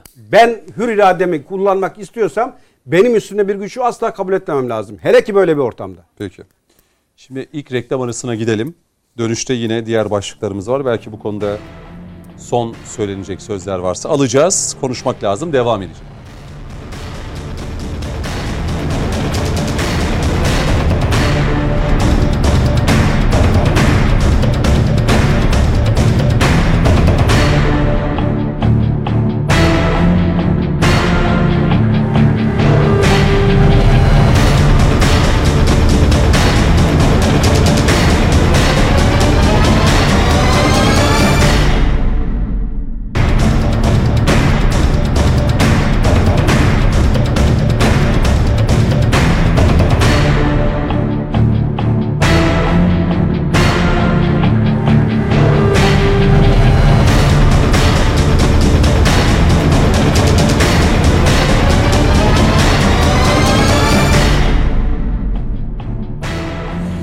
Değerli izleyenler, e, konuşmak lazım devam ediyor. Dört değerli konuğumuz var. Mehmet Metiner, Coşkun Başbuğ, Pınar Hacı Bektaşoğlu ve Atik Ağda bizlerle birlikte bu akşam konuşmak lazım. İlk bölümde Osman Kavala ve 10 Büyükelçinin e, Osman Kavala'nın serbest bırakılması yönünde bir metin ve bir bildiri yayınlaması ve buna gelen tepkileri konuştuk. E, hatta en sert tepkilerden birisini de e, MHP lideri Devlet Bahçeli grup toplantısında verdi. Osman Kavala Sorosçudur. Selahattin Demirtaş da teröristtir demişti. Ee, göreceğiz bakalım Osman Kavala davasında nasıl bir sonuç ortaya çıkacak? Ee, Osman Kavala daha çok dinlendirilecek mi? Ee, bunun üzerinden Türkiye'ye bir baskı e, uygulanacak mı? Bunu süreç gösterecek ama 2023 seçimleri yaklaştıkça Coşkun Başbuğ'un da dediği gibi daha çok şeyler göreceğiz öyle gözüküyor. Şimdi tam da bu dönemde yani Sayın Metiner de ilk bölümde konuşurken bazı değerlendirmelerde bulundu. Yani hiçbirinin birbirinden bağımsız olmadığını söyledi. Ben şimdi bu bölüme başlarken not almıştım. Ee, yani şu son bir hafta içerisinde olanlara baktığımızda e, CHP Genel Başkanı ana muhalefet lideri Kemal Kılıçdaroğlu bürokrasi üzerinden bürokratları tehdit ediyor. Bu dönemde bakıyoruz 10 büyükelçiden e, Türkiye'ye yönelik Türkiye'nin hukukuna e, içerisine e, müdahalede bulunabilecek bir metin bildiri yayımlıyor. Sonra bakıyoruz aynı anda e, işin ekonomik ayağı devreye giriyor. TÜSİAD ki uzun yıllardır TÜSİAD'ı genelde 90'lı yılların ortalarında 28 Şubat sürecinde e, Batı'nın, Avrupa'nın ve Amerika'nın da e, değerleri üzerinden Türkiye'ye ayar vermeye çalıştığını, işte laiklik üzerinden tutun da e, Cumhuriyet ilkelerine bağlılığa kadar pek çok konuda ki AK Parti'nin de ilk yıllarında e, TÜSİAD'ın pek çok açıklamasına da denk gelmiştik. Uzun zamandır TÜSİAD açıklamada da bulunmuyordu ve ta ki düne kadar e, TÜSİAD'da e, Tuncay Özilhan ve e, yine e, Kavlovski, TÜSİAD Başkanı kim o ya? Kavlovski'nin Kim o? Pavlovski, TÜSİAD'ın başkanı. Kavlovski nedir? Kim? Pavlovski Kavlovski değil? Kavlovski. Nerelidir bu adam? Simon Kavlovski. Neresi? Polonyalı galiba bildiğimiz kadarıyla. Polonyalı mı bilemiyorum ama hani Kavlovski deyince TÜSİAD siyasi bir parti mi? Bir iş adamları kulübü mü? Nedir? Türkiye TÜSİAD? Sanayi ve İş İnsanları. Laiklikle, cumhuriyetle, cumhuriyetin değerleriyle, Atatürk'le, işte e, Recep Tayyip Erdoğan'la, Osman Kavala'yla bilmem neyle TÜSİAD'ın ne alakası var? Şimdi ne alakası var derken Yani hepimize, herkese ayar çekme makamında mı TÜSİAD? Kimse TÜSİAD'a bu hadsizliğini hatırlatmayacak mı? Artık ağrımıza gidiyor yani. 2007 yılları yine TÜSİAD'ın bu tür açıklamaları oluyordu. Sizin de milletvekilliği yaptığınız Evet, dönemde evet, de. evet. Hep oldu o müdahale. Ya Hep bir dakika, oldu ama Avrupa değerler üzerinden bize had bildirmek TÜSİAD gibi bir derneğe düşer mi ya? Bizim değerlerimiz Avrupa'nın değerlerinin kat be kat üstünde. peki Kimse- ben bitireyim kimse- sözü size vereyim. Kimse milletin değerlerini bu kadar çok tahkir ve tezif etmesin. Kimse de beyaz adam psikolojisiyle konuşmasın yani. Öyle bu millet çamar oğlanı değildir. TÜSİAD'ın dili beyaz adamın dilidir. Biz bu ülkenin zencileri değiliz. Milletimizin değerleri Avrupa'nın değerlerinin kat be kat üstündedir. Her anlamda kat be kat üstündedir. Avrupa'nın bizden öğreneceği çok şey vardır. Kimse öyle Jacoben laiklik üzerinden işte Fransız Cumhuriyetçiliği üzerinden, demokrasiyle bağdaşmayan Fransız Cumhuriyetçiliği üzerinden bize ayar çekmeye kalkışmasın, haddini bilsin yani. Peki. Şimdi sözü ilk size vereceğim Sayın Metiner. Tamam. Ee, Yani kızmayalım öfkeniz var. ama yani. Anlıyorum. Ben de öfkelendim açıkçası. Yani Hiç olur mu ya? Şimdi TÜSİAD'ın başkanı Kavlovski, e, İtalyan asıllı Simon Kaslowski. E, Tuncay Özilhan e, Yüksek İstişare Kurulu Başkanı şu anda TÜSİAD'ın. O Türkiye'yi yeniden inşa çağrısı başlıklı metin üzerinden bazı mesajlar verdi. İşte Türkiye'nin çölleşmesi, iklim değişikliği, jeopolitik vesaire bunlara biraz değindi. Büyüme üzerinden e, bazı e, rakamları paylaştı. Sonra TÜSİAD Başkanı Simon Kaslowski e, kürsüye çıktığında e, yeni nesil göç bizi kemiriyor dedi. Yani Türkiye'nin gençleri başka ülkelere göç ediyor dedi. Sonra e, laiklik üzerinden e, yani laiklik Türkiye'deki barış ve huzurun tesisi için çok önemlidir vurgusunu yaptı. Ardından İstanbul Sözleşmesi'ne bir vurgu yaptı. Yani kadınların toplumsal hayata katılmaları ancak laik bir ortamda gerçekleşebilir ve İstanbul Sözleşmesi'ne bağlılıkla e, mümkün olabilir dedi. Sonrasında adil yargılama haklarının gereklerini e, Türkiye'nin harfiyen uygulaması gerektiğine vurgu yaptı. E, daha sonra e, sisteme de değindi. Cumhurbaşkanlığı hükümet sistemine yani biraz sanki parlamenter sisteme de vurgu yaptı konuşmasında. E, ahim kararlarına e, yine değindi ve HDP'nin kapatılma süreci de dahil olmak üzere konuşmasında bunlara yer verdi. Tabii biz ben bugün müsiyat e, kurucu genel başkanı Erol Yarar'la e, gündüz bölümünde konuştum. Kendisine sordum. TÜSİAD e, mesela HDP'nin kapatılmasıyla alakalı Türkiye'ye bir şeyler söylüyor. Yani böyle olmalı şöyle ol. Mesela Diyarbakır anneleriyle alakalı TÜSİAD neden hiç bir şey söylemedi? Ya da Türkiye Karabağ'da Azerbaycan'la bir mücadele verirken küresel güçlere karşı neden bir tavır takınmadı? Libya'da, Suriye'de ya da Irak'ta terörle mücadelede Mehmetçiğimizin vermiş olduğu e, büyük mücadeleyle alakalı neden tek bir cümle sarf etmedi? Bunları da herhalde sormamız gerekiyor. Sayın Metiner buyurun. Bir Tuncay. Tuncay Özilhan'ın söylediklerini anlamlı ve değerli buluruz, tartışmaya değer buluruz. Hı hı. Eleştirilerim Tuncay Özilhan'ın şahsına ve söylediklerine değildir. Ama Kavlovski, Kavlovski midir nedir yani? İtalyan asıllı. Ne asıllı olursa olsun yani. Belli ki bu topraklara ait değil. Ben bu topraklara ait olmayı ırkçılık anlamında söyleyenlerden değilim yani. Bu toprakların değerlerini, kendi değerlerini bileceksin yani. Bu toprakların değerlerini küçümsemeye kimsenin hakkı yok. Haddi de yok yani. Avrupa'nın değerleri üzerinden bu ülke ayar çekmeye kalışmak da büyük bir hadsizliktir. TÜSİAD bu anlamda Batı'nın ileri bir karakoludur. İçimize, içimizdeki ileri bir karakoludur. Bir tarasut kulesidir. Batı sermayesinin, küresel emperyalist sermayenin ve küresel emperyalist siyasetin içimizdeki bir karakoludur. TÜSİAD. Evet, ileri bir karakoludur. Ama Bu- TÜSİAD bu zaten söylenenler. kuruluşunda söylüyor. Biz batı değerlerini savunuyoruz diyor. Ya başlarım batı değerlerine Allah'ım ya. Nedir batı değeri ya? Yani Sisi Mısır'da darbe yaptığında selama durmak mıdır yani? Azerbaycan'ın toprakları işgal altındayken Ermenistan'a selam çakmak mıdır yani? Filistin'in toprakları işgal altındayken İsrail'e selam çakmak mıdır yani Kudüs'e başkent ilan ettiğinde? Tunus'ta darbe yapıldığında Gannuşi meşru ve yasal yollarla iktidara gelip mecliste çoğunluğu elde ettiğinde onu alaşağı edenlere selam göndermek midir yani? Suriye'nin Esed diktatörüne tek laf etmemek midir yani? Varsa yoksa Recep Tayyip Erdoğan, varsa yoksa Türkiye. Nedir bu ya? Biz ne zaman uhuletle ve suhuletle oturup konuşalım, demokratik diyalog kanallarını açmaya çalışalım. Bu ülke birbirine bağırarak, birbiriyle çatışarak hiçbir yere varamaz, enerjimizi tüketmeyelim derken birdenbire 10 büyük elçi çıkıyor dışarıdan. Ayar çekmeye çalışıyor hay, hay, hayasızca. Sayın Kılıçdaroğlu çıkıyor başka bir dille onların e, siyasi emelleri doğrultusunda siyasal sistemi paralize etmeye çalışıyor. Toplumsal öfkeyi kabartacak bir dil kullanıyor. Bakıyorsunuz TÜSİAD denilen bir kurum Batı'nın içerideki taşeron sözcülüğünü yapıyor. Bak çok açık ve net söylüyorum. Evet öfkeliyim. Bu ülke insan olarak öfkeliyim. Yani PKK üzerinden, FETÖ üzerinden, Amerika'nın Batı'nın yapmaya çalıştığı şeyin tıpkısının aynısını TÜSİAD üzerinden yapmaya çalışıyorlar. Bu bir ihanettir ya. TÜSİAD lağv edilmelidir. TÜSİAD bir siyasal parti olarak yüreği yetiyorsa bir siyasal parti olarak kendisini yeniden yapılandırmalıdır. Bütün bu Kavluski denilen adam herif her kimse bütün söyledikleri bir siyasal partinin deklarasyonu olabilir. Adil yargılanma. Sen hukukçu musun ya? Ne biliyorsun yani sen? Ne biliyorsun sen ya? Hukuk sistemine ayar çek, siyasal sistemine ayar çek. Ben siyasetçiyim. AK Partili bir siyasetçiyim. Ve şunu görüyorum. Mevcut haliyle başkanlık sistemini yürütmek doğru değildir. Revize edilmesi lazım. Yüreğimiz yanarak bunu anlatıyoruz. Ben siyasetçiyim bunu söyleyebilirim.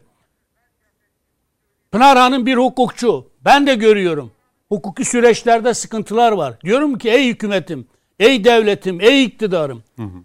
Başkaları için değil ama bizim değerlerimize yakıştığı için. Bir kul hakkı anlamına geldiği için bu süreçleri bundan sonra sağlıklı yürütelim.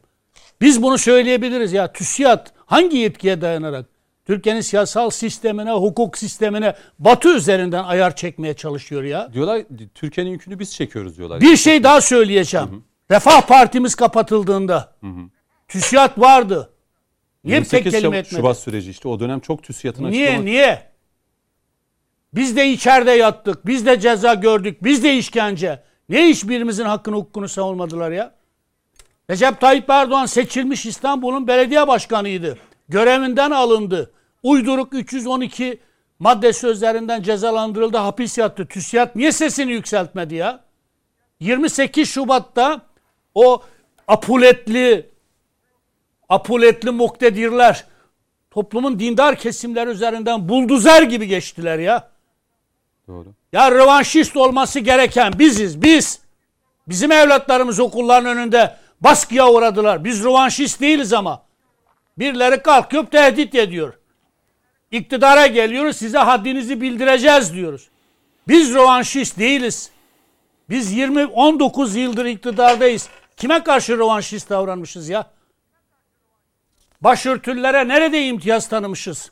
Sadece başörtülülerle başı açıklar arasındaki eşitsizliği gidermişiz ya. Başörtülü vatandaşlarımıza sağladığımız ayrıca bir imtiyaz varsa birisi bize bunu göstersin. Bir eşitsizlik vardı. Kamusal alanda her iki tarafı eşitledik. Laikliğe ne yaptık biz ya? İkide bir de laiklik laiklik. Başlarım sizin Jacoben laikçiliğinize yani.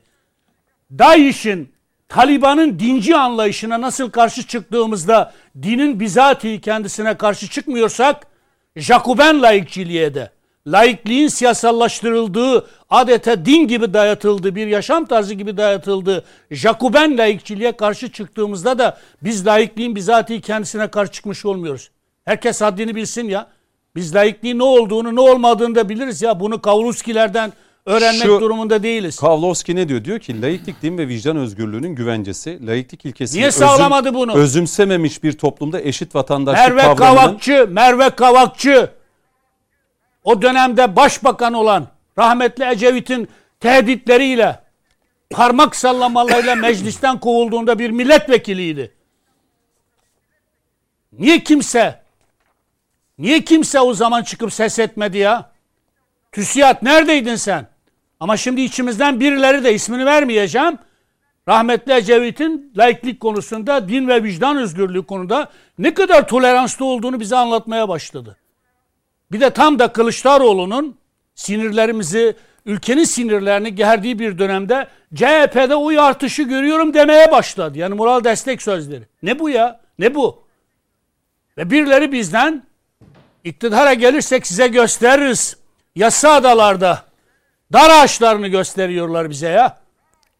Ve bu Söylediler. TRT'de yayınlayacağız dediler kim, ya. kimsenin evet TRT'de yayınlayacaklar. İktidara geldiğimizin günün ertesi diyorlar. Medya organlarına el koyacağız diyorlar. Bu medya organlarının arkasındaki sermaye gruplarının mallarını müsaade edeceğiz. Bunun için hukuk Evet. mukuk da dinlemeyiz diyorlar. Ama ne yazıktır Selin ki Sayık Böke söyledi onu da. ne yazıktır ki bunu söyleyen bir zihniyet bize bir de demokrasi, laiklik, hak ve özgürlükler, hak, hukuk, adalet diyor. Ne hak, hukuk, adaleti ya? Sen kimi tehdit ediyorsun ya?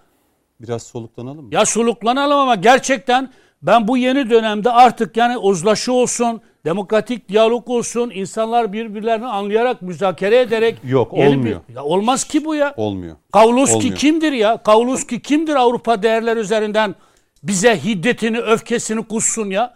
10 büyük elçi bana göre 10 büyük elçinin bildirisi Kavluski'nin konuşmasından bin kat daha şereflidir. Hiç değilse onların kim olduğunu ne olduğunu biliyoruz. Peki.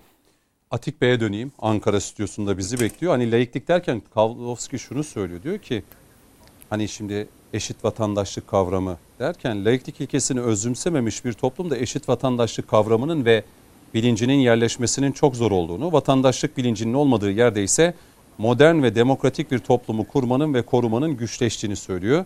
Taliban vurgusu da var burada. Yani Türkiye'nin böyle bir Afganistan olmaması için de Niye laikçi Talibanları eleştirmiyor bu ülkede? Laikçi Talibanlar da türediler. Hala bir hakimin bir hakimin başörtüsünü gördüklerinde biz onun adaletle hüküm vereceğine inanmıyoruz diyen hala laikçi Taliban bir zihniyet var. Niye çıkıp onlara laf etmiyor? Bak biz işte dinci Talibanlara laf ediyoruz. Niye onlar laikçi Talibanlara laf etmiyorlar? Biz Taliban'ın din yorumuna itiraz ediyoruz. Niye onlar laikliğin Jacoben yorumuna itiraz etmiyorlar? Beyefendiler laiklik üzerinden bize beyaz adam şeyi satmaya çalışıyorlar. Peki, Siz şimdi- bu ülkenin beyazları değilsiniz. Biz de bu ülkenin zencileri değiliz.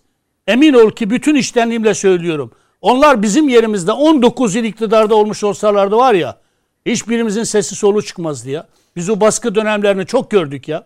Şimdi Atik Bey'e döneceğim. Tabii bu konuşmalar yapı- yapılırken muhabir arkadaşlarımızın da notları vardı. Şimdi e, bu sert mesajlar e, verilirken salonda e, bir sükunet de hakimdi. Hatta e, Merkez Bankası'nın bağımsızlığı, laiklik ve adil yargılama talebi vurulurken salonun sessiz kaldığı belirtildi muhabir arkadaşlar tarafından. Yine İstanbul Sözleşmesi ve kadınların ekonomik hayata katılması ile ilgili ifadeler ise salonda çok cılız bir alkışın geldiği de belirtiliyor. Ee, Atik Bey size döneyim. Yani siz de o dönemleri yaşamış birisiniz. Yani TÜSİAD'ın 28 Şubat süreçlerinde 90'lı yılların sonları AK Parti'nin de iktidara ilk geldiği yıllar o 2002, 2008, 2009, 2010'lu yıllara kadar TÜSİAD'ın hep açıklamaları olurdu Ee, ve aynı dönemde bu hani hem büyükelçiler hem TÜSİAD'ın e, söylemi e, Türkiye'de pek çok konuda laiklikten tutun da adil yargılamaya kadar HDP'nin kapatılma davasından tutun da İstanbul Sözleşmesi'ne kadar. E, bu konudaki düşünceleriniz nedir? Şimdi tabii şöyle e, e, görmek lazım diye düşünüyorum ben meseleleri.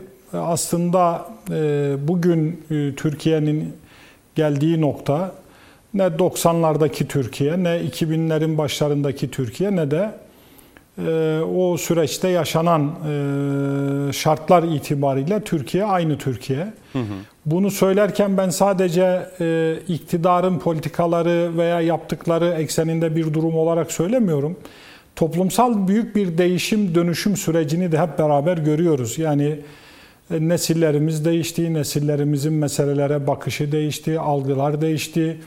e, ideolojik yaklaşımlarda farklılaşmalar var. Ya, yani yakınlaşmalarda, çapraz e, kutuplaşmalarda oluyor. Burada ben TÜSİAD veya herhangi bir kurum e, e, bu ülke içerisinde hukuk zemininde bulunuyor ise ve ülke ile alakalı kendince endişeleri varsa bu endişelerini yine hukuk zemini içerisinde oturup söyleyebilir. Yani hukukun üstünlüğü konusunda endişelerimiz var diyebilir, başka şeyler söyleyebilir. Bunları hukuk zemini içerisinde söylemiş olmanın bir mahsuru yok. Ben şahsi kanaatimi hmm. ifade ediyorum. Ama tabii TÜSİAD dendiğinde yani TÜSİAD'la ilgili bir mesele geldiğinde yine biraz geçmişe biz ben bu geçmişe gitmeleri bir e, yani eskinin hesabını görmek anlamında söylemiyorum. Sadece bir tarihi süreç ve arka planı doğru okumak hı hı. anlamında söylüyorum. 28 Şubat sürecini planlayan Beşli Çete'nin en başında TÜSİAD vardır. Hı. Yani böyle hukukun TÜSİAD, üstünlüğü, medya, demokrasi gibi ilkeleri bugün TÜS, yani o Beşli Çete derken TÜSİAD, medya, askeri e, vesayet. Tabii Türk iş yani yok yok kurumsal olarak ha, Beşli kurumsal, Çete diye o anladım. dönem meşhur, meşhur olmuştu.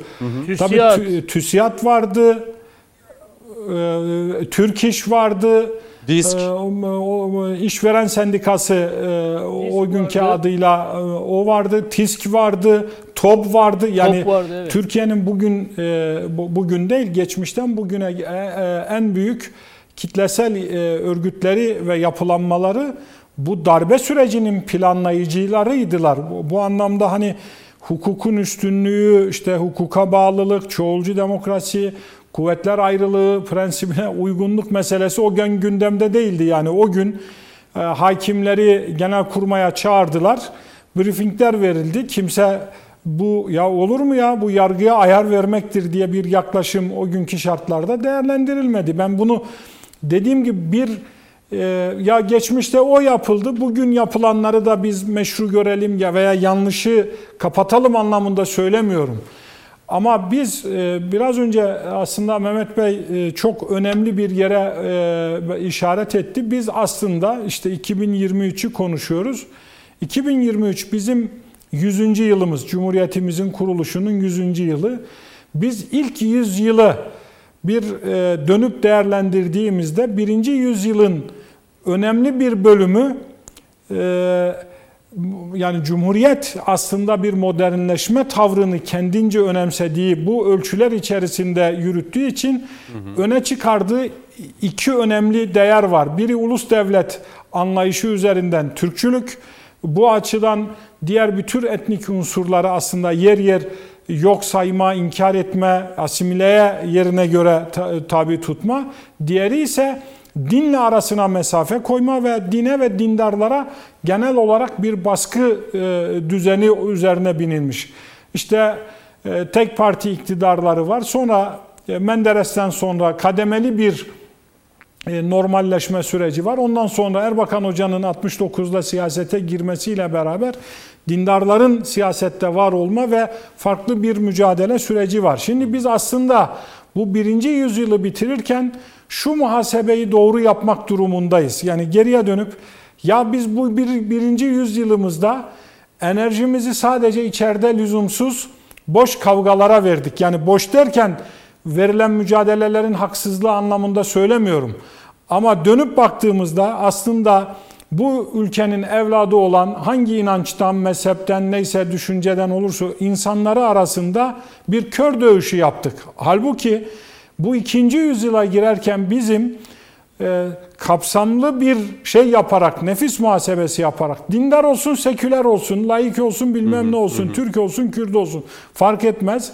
Bu muhasebeyi yaparak biz ikinci yüzyılı bu şartlar ekseninde yaşadığımız güncel siyasi meselelere de çok takılmadan yani basit rütuşlar değil aslında kapsamlı bir Türkiye'yi önümüzdeki yüzyıla veya yüzyıllara hazırlayacak ölçülerde bir anayasal e, e, bir değişiklikle anayasa değişikliğiyle beraber e, bir süreci anayasal götürmemiz bir gerekir. Yani bunu bu mümkün tabii gözüküyor bu, mu? Bu mümkün yani bir mü? kardeşlik hukukunu ya burada taraflar yani süreci götürenler veya e, meseleyi ortaya koyan tavır ta, taraflar iyi niyetli yaklaşımlarını ortaya kona- koyarlarsa ben siyasi temsilcilerin üsluplarında veya stratejilerinde problemler olsa bile e, toplumun e, büyük ve belirgi- belirgin belirleyici kitlesinin aslında bu türde bir e, şey zeminini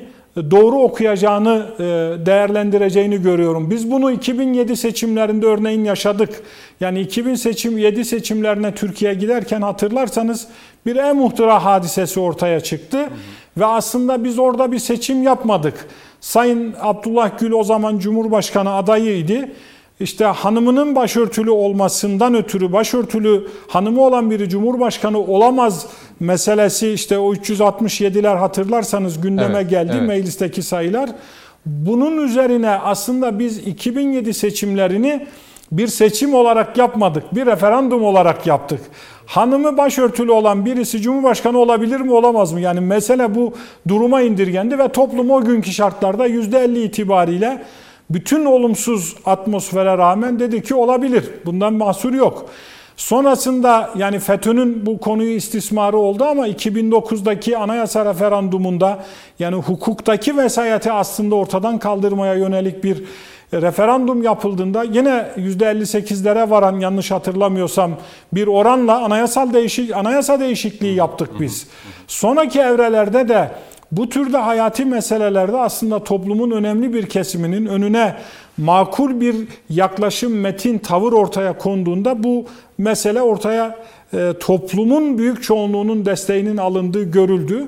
Bu anlamda bugünkü şartlarda da ben aslında e, bizim muhalefeti veya iktidarıyla yani ben burada hiçbir tarafı ayırmadan bu e, kavga, nefret ve kör dövüş dilini bir tarafa bırakarak ya kardeşim biz bu ülkeye hizmet etme anlayışı içerisinde olan insanlarız. Gelin oturun şu meseleleri bir şu mevzu zemininde konuşalım. Çok güzel E, söylüyorsunuz Atik Bey ama ölçüsü mesela içerisinde bir makul bir masayı e, oluşturmak gerekir. çok güzel bu söyledikleriniz çok güzel ama ya şu 10 büyükelçinin çağrısında bile ben bugün hem Sayın Akşener'i hem Sayın Kılıçdaroğlu'nu dinledim.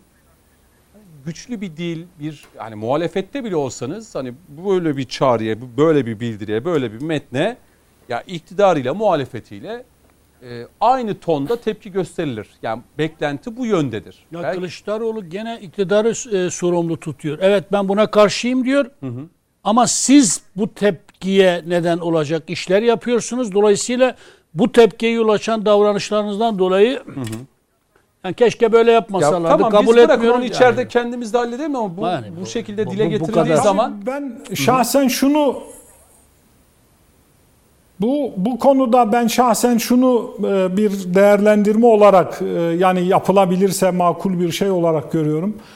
Olabilir Sayın Cumhurbaşkanı muhalefet parti liderlerini de çağırır. Ya bu mesele bir hükümet muhalefet meselesi değil. Yani sonuçta Amerika Birleşik Devletleri Büyükelçisi yani birinci bölümde biraz konuştuk. Büyükelçi e, kendi devletinin izni olur olmadan öyle bir metni ortaya koyma ihtimali yok. Neticede bu bir devlet tavrıdır aslında. Benzer şekilde diğer Avrupa ülkelerininki de bir devlet tavrıdır. Biz içeride yani bizim doğuda e, şöyle bir mesele vardır. E, Bir köy içerisinde kendi e, iç kavgaları varken insanların yan köyden bir saldırı gelirse onlar toplanırlar. Köydekiler derler ki kardeşim bu iç kavga bizim kavgamız. Bunu devam ettirebiliriz. Ama önce bir araya gelelim şu dışarıdakilerle kavgayı bir sonuçlandıralım. Yani o kavgayı kazanalım. Sonra içeride neyse onu konuşuruz. Bu anlamda biz içerideki kavgayı yani kavga demeyelim de siyasi rekabet unsurunu oturup gene konuşalım ama bazı meseleler var ki bunlar içerideki siyasi rekabetin ötesinde hepimizin hayati e, durumunu ülkemiz ve coğrafyamız, bölgemiz açısından ilgilendiren bir durum var. Bu eksende aslında makul bir zemin oluşturulursa ben bu dilin bu makuliyet dilinin iktidar partisi yani Peki. başta Sayın Cumhurbaşkanı olmak üzere oluşturulursa e, toplumda da çok önemli bir karşılığı olacağı Peki. kanaatindeyim. Peki. Ee, Pınar Hanım hukukçu olarak e, TÜSİAD. Evet. Ee, ya önemli bir kuruluş tabii STK bir iş insanlarının oluşturduğu. Yani TÜGVA STK değil değil mi? Türgev'de STK değil, bir Tabii tek ki, TÜSİAD. STK. Ya bütün STK'lar. Sana değil sözüm. Anladım. Toplum. Anladım. Çağdaş Hukukçular Derneği STK, Doğru. TÜGVA değil. işte bilmem öbürü STK ama TÜGVA değil. Değil. Sen o, o- onların STK'larına her türlü şeyi verdiğinde tabii ki STK'dır. Ama TÜGVA'ya verdiğin zaman efendim paralel Orada devlet bir, orada oluşturur. bir nefret söylemi ortaya çıkıyor. Belki Kim bunu da kime konuşalım. nefret kusuyor ya? Biz bugüne kadar kime nefret kusmuşuz? Bir tek örneğini göstersinler ya. Her türlü ayrımcılığa karşıyız kardeşim. Bütün STK'lar teröre ve şiddete bulaşmadıkları sürece bizdendirler. Bu ülkenin STK'larıdırlar.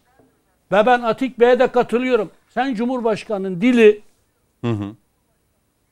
bütün bu kırgınlıkları, küskünlükleri, varsa kavgaları çatış, yatıştıran, demokratik diyaloji esas alan bir dil olmalı ve bu masayı da oluşturmalı.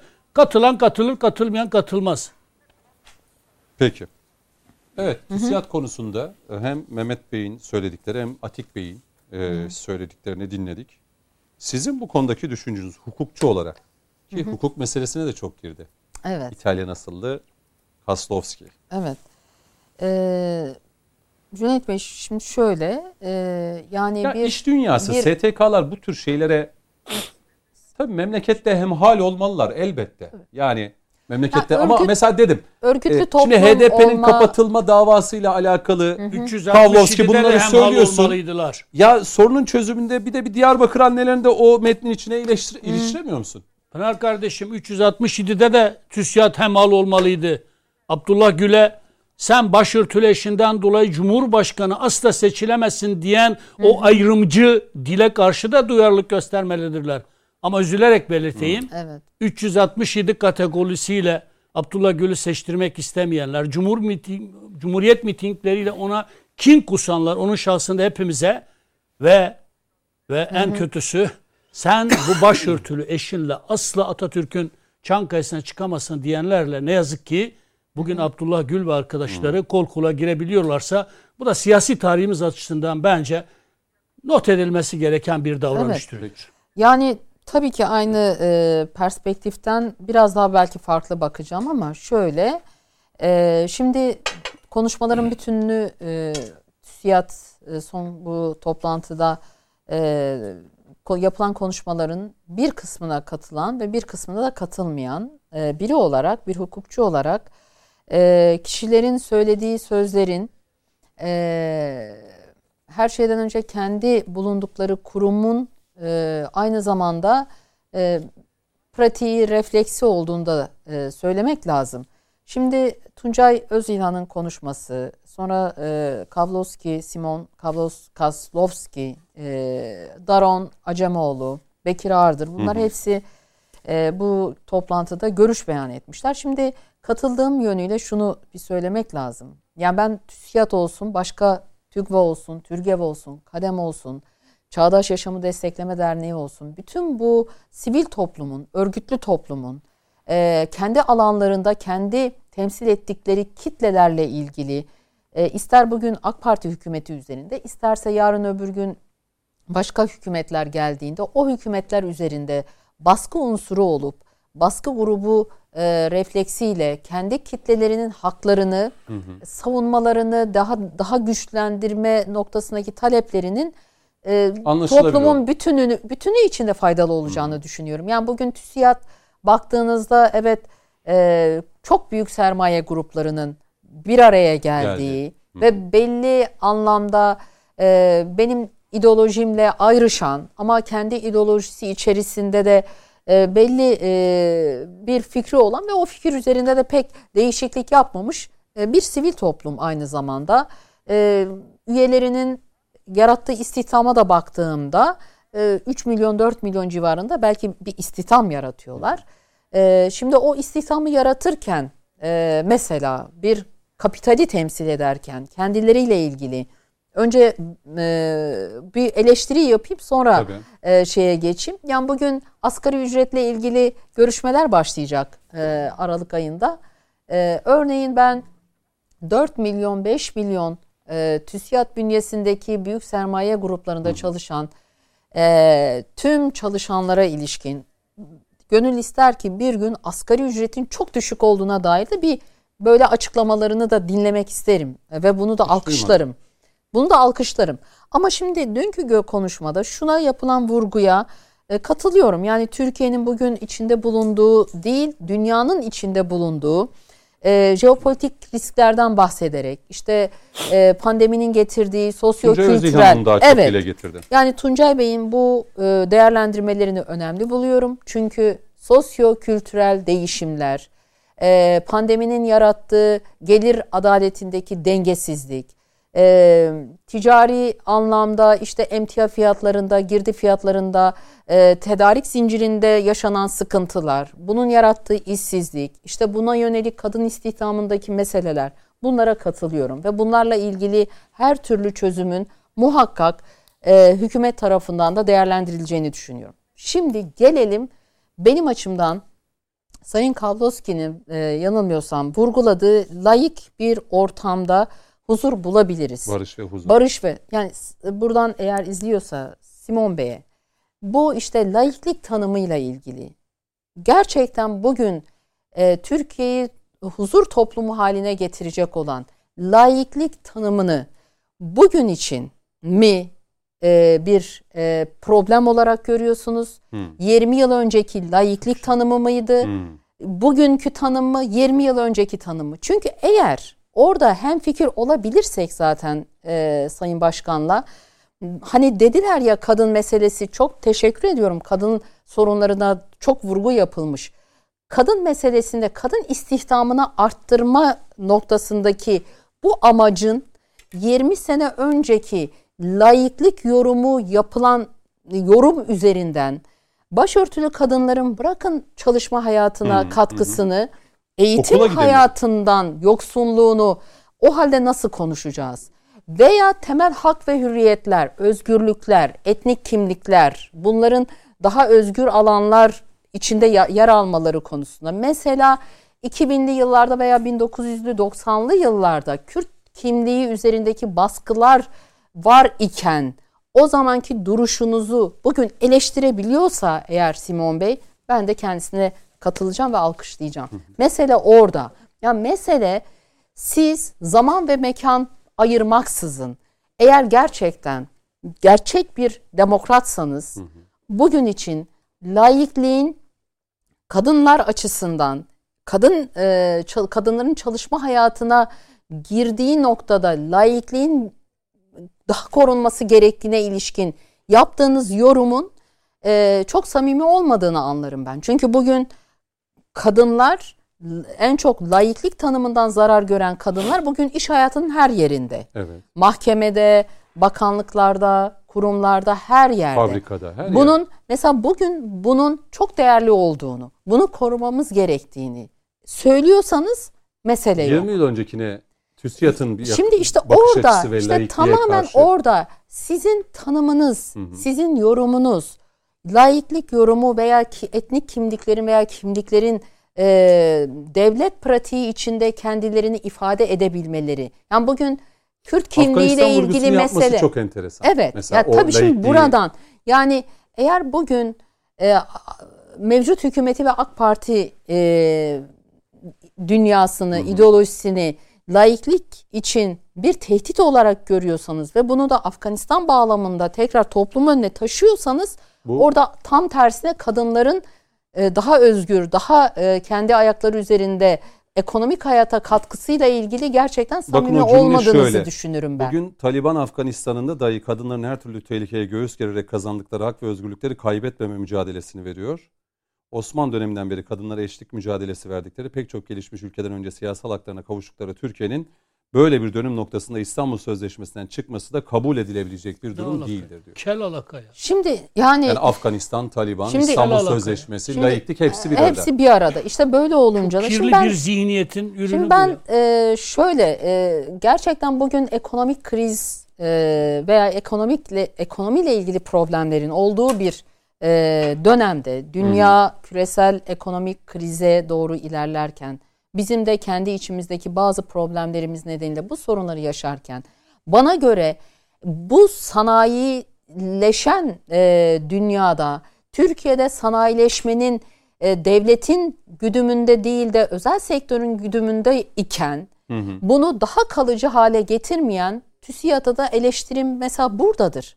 Yani bugüne kadar Türkiye'de sanayi, tarımı, daha fazla istihdamı sadece ve sadece belli alanlarda yaparak sadece tüketim toplumu üzerinden yarattıkları bir ekonomiyi ya bakın bir, konuşmamın başında teşekkür ettim. 3-4 milyon Ben istihdam anlıyorum. Mesela sağlıyorsunuz. bir marka, markaları çıkarabilseydik. Bakın 3-4 Şimdi milyon Amerika'da öyle şirketler var ki artık. Amerika'yı yönetir hale geldi. Şimdi bakın Kuzey Kore'de Samsung'u örnek veriyoruz değil mi? İşte e, Amerika'da Amerika'da, Apple. Apple'ı veriyoruz değil mi? Onları onlar devlet e, şeyiyle desteğiyle vesaireyle büyümediler. Özel sektör e, buraya yıllarca argesine vesaire yatırım yaptı.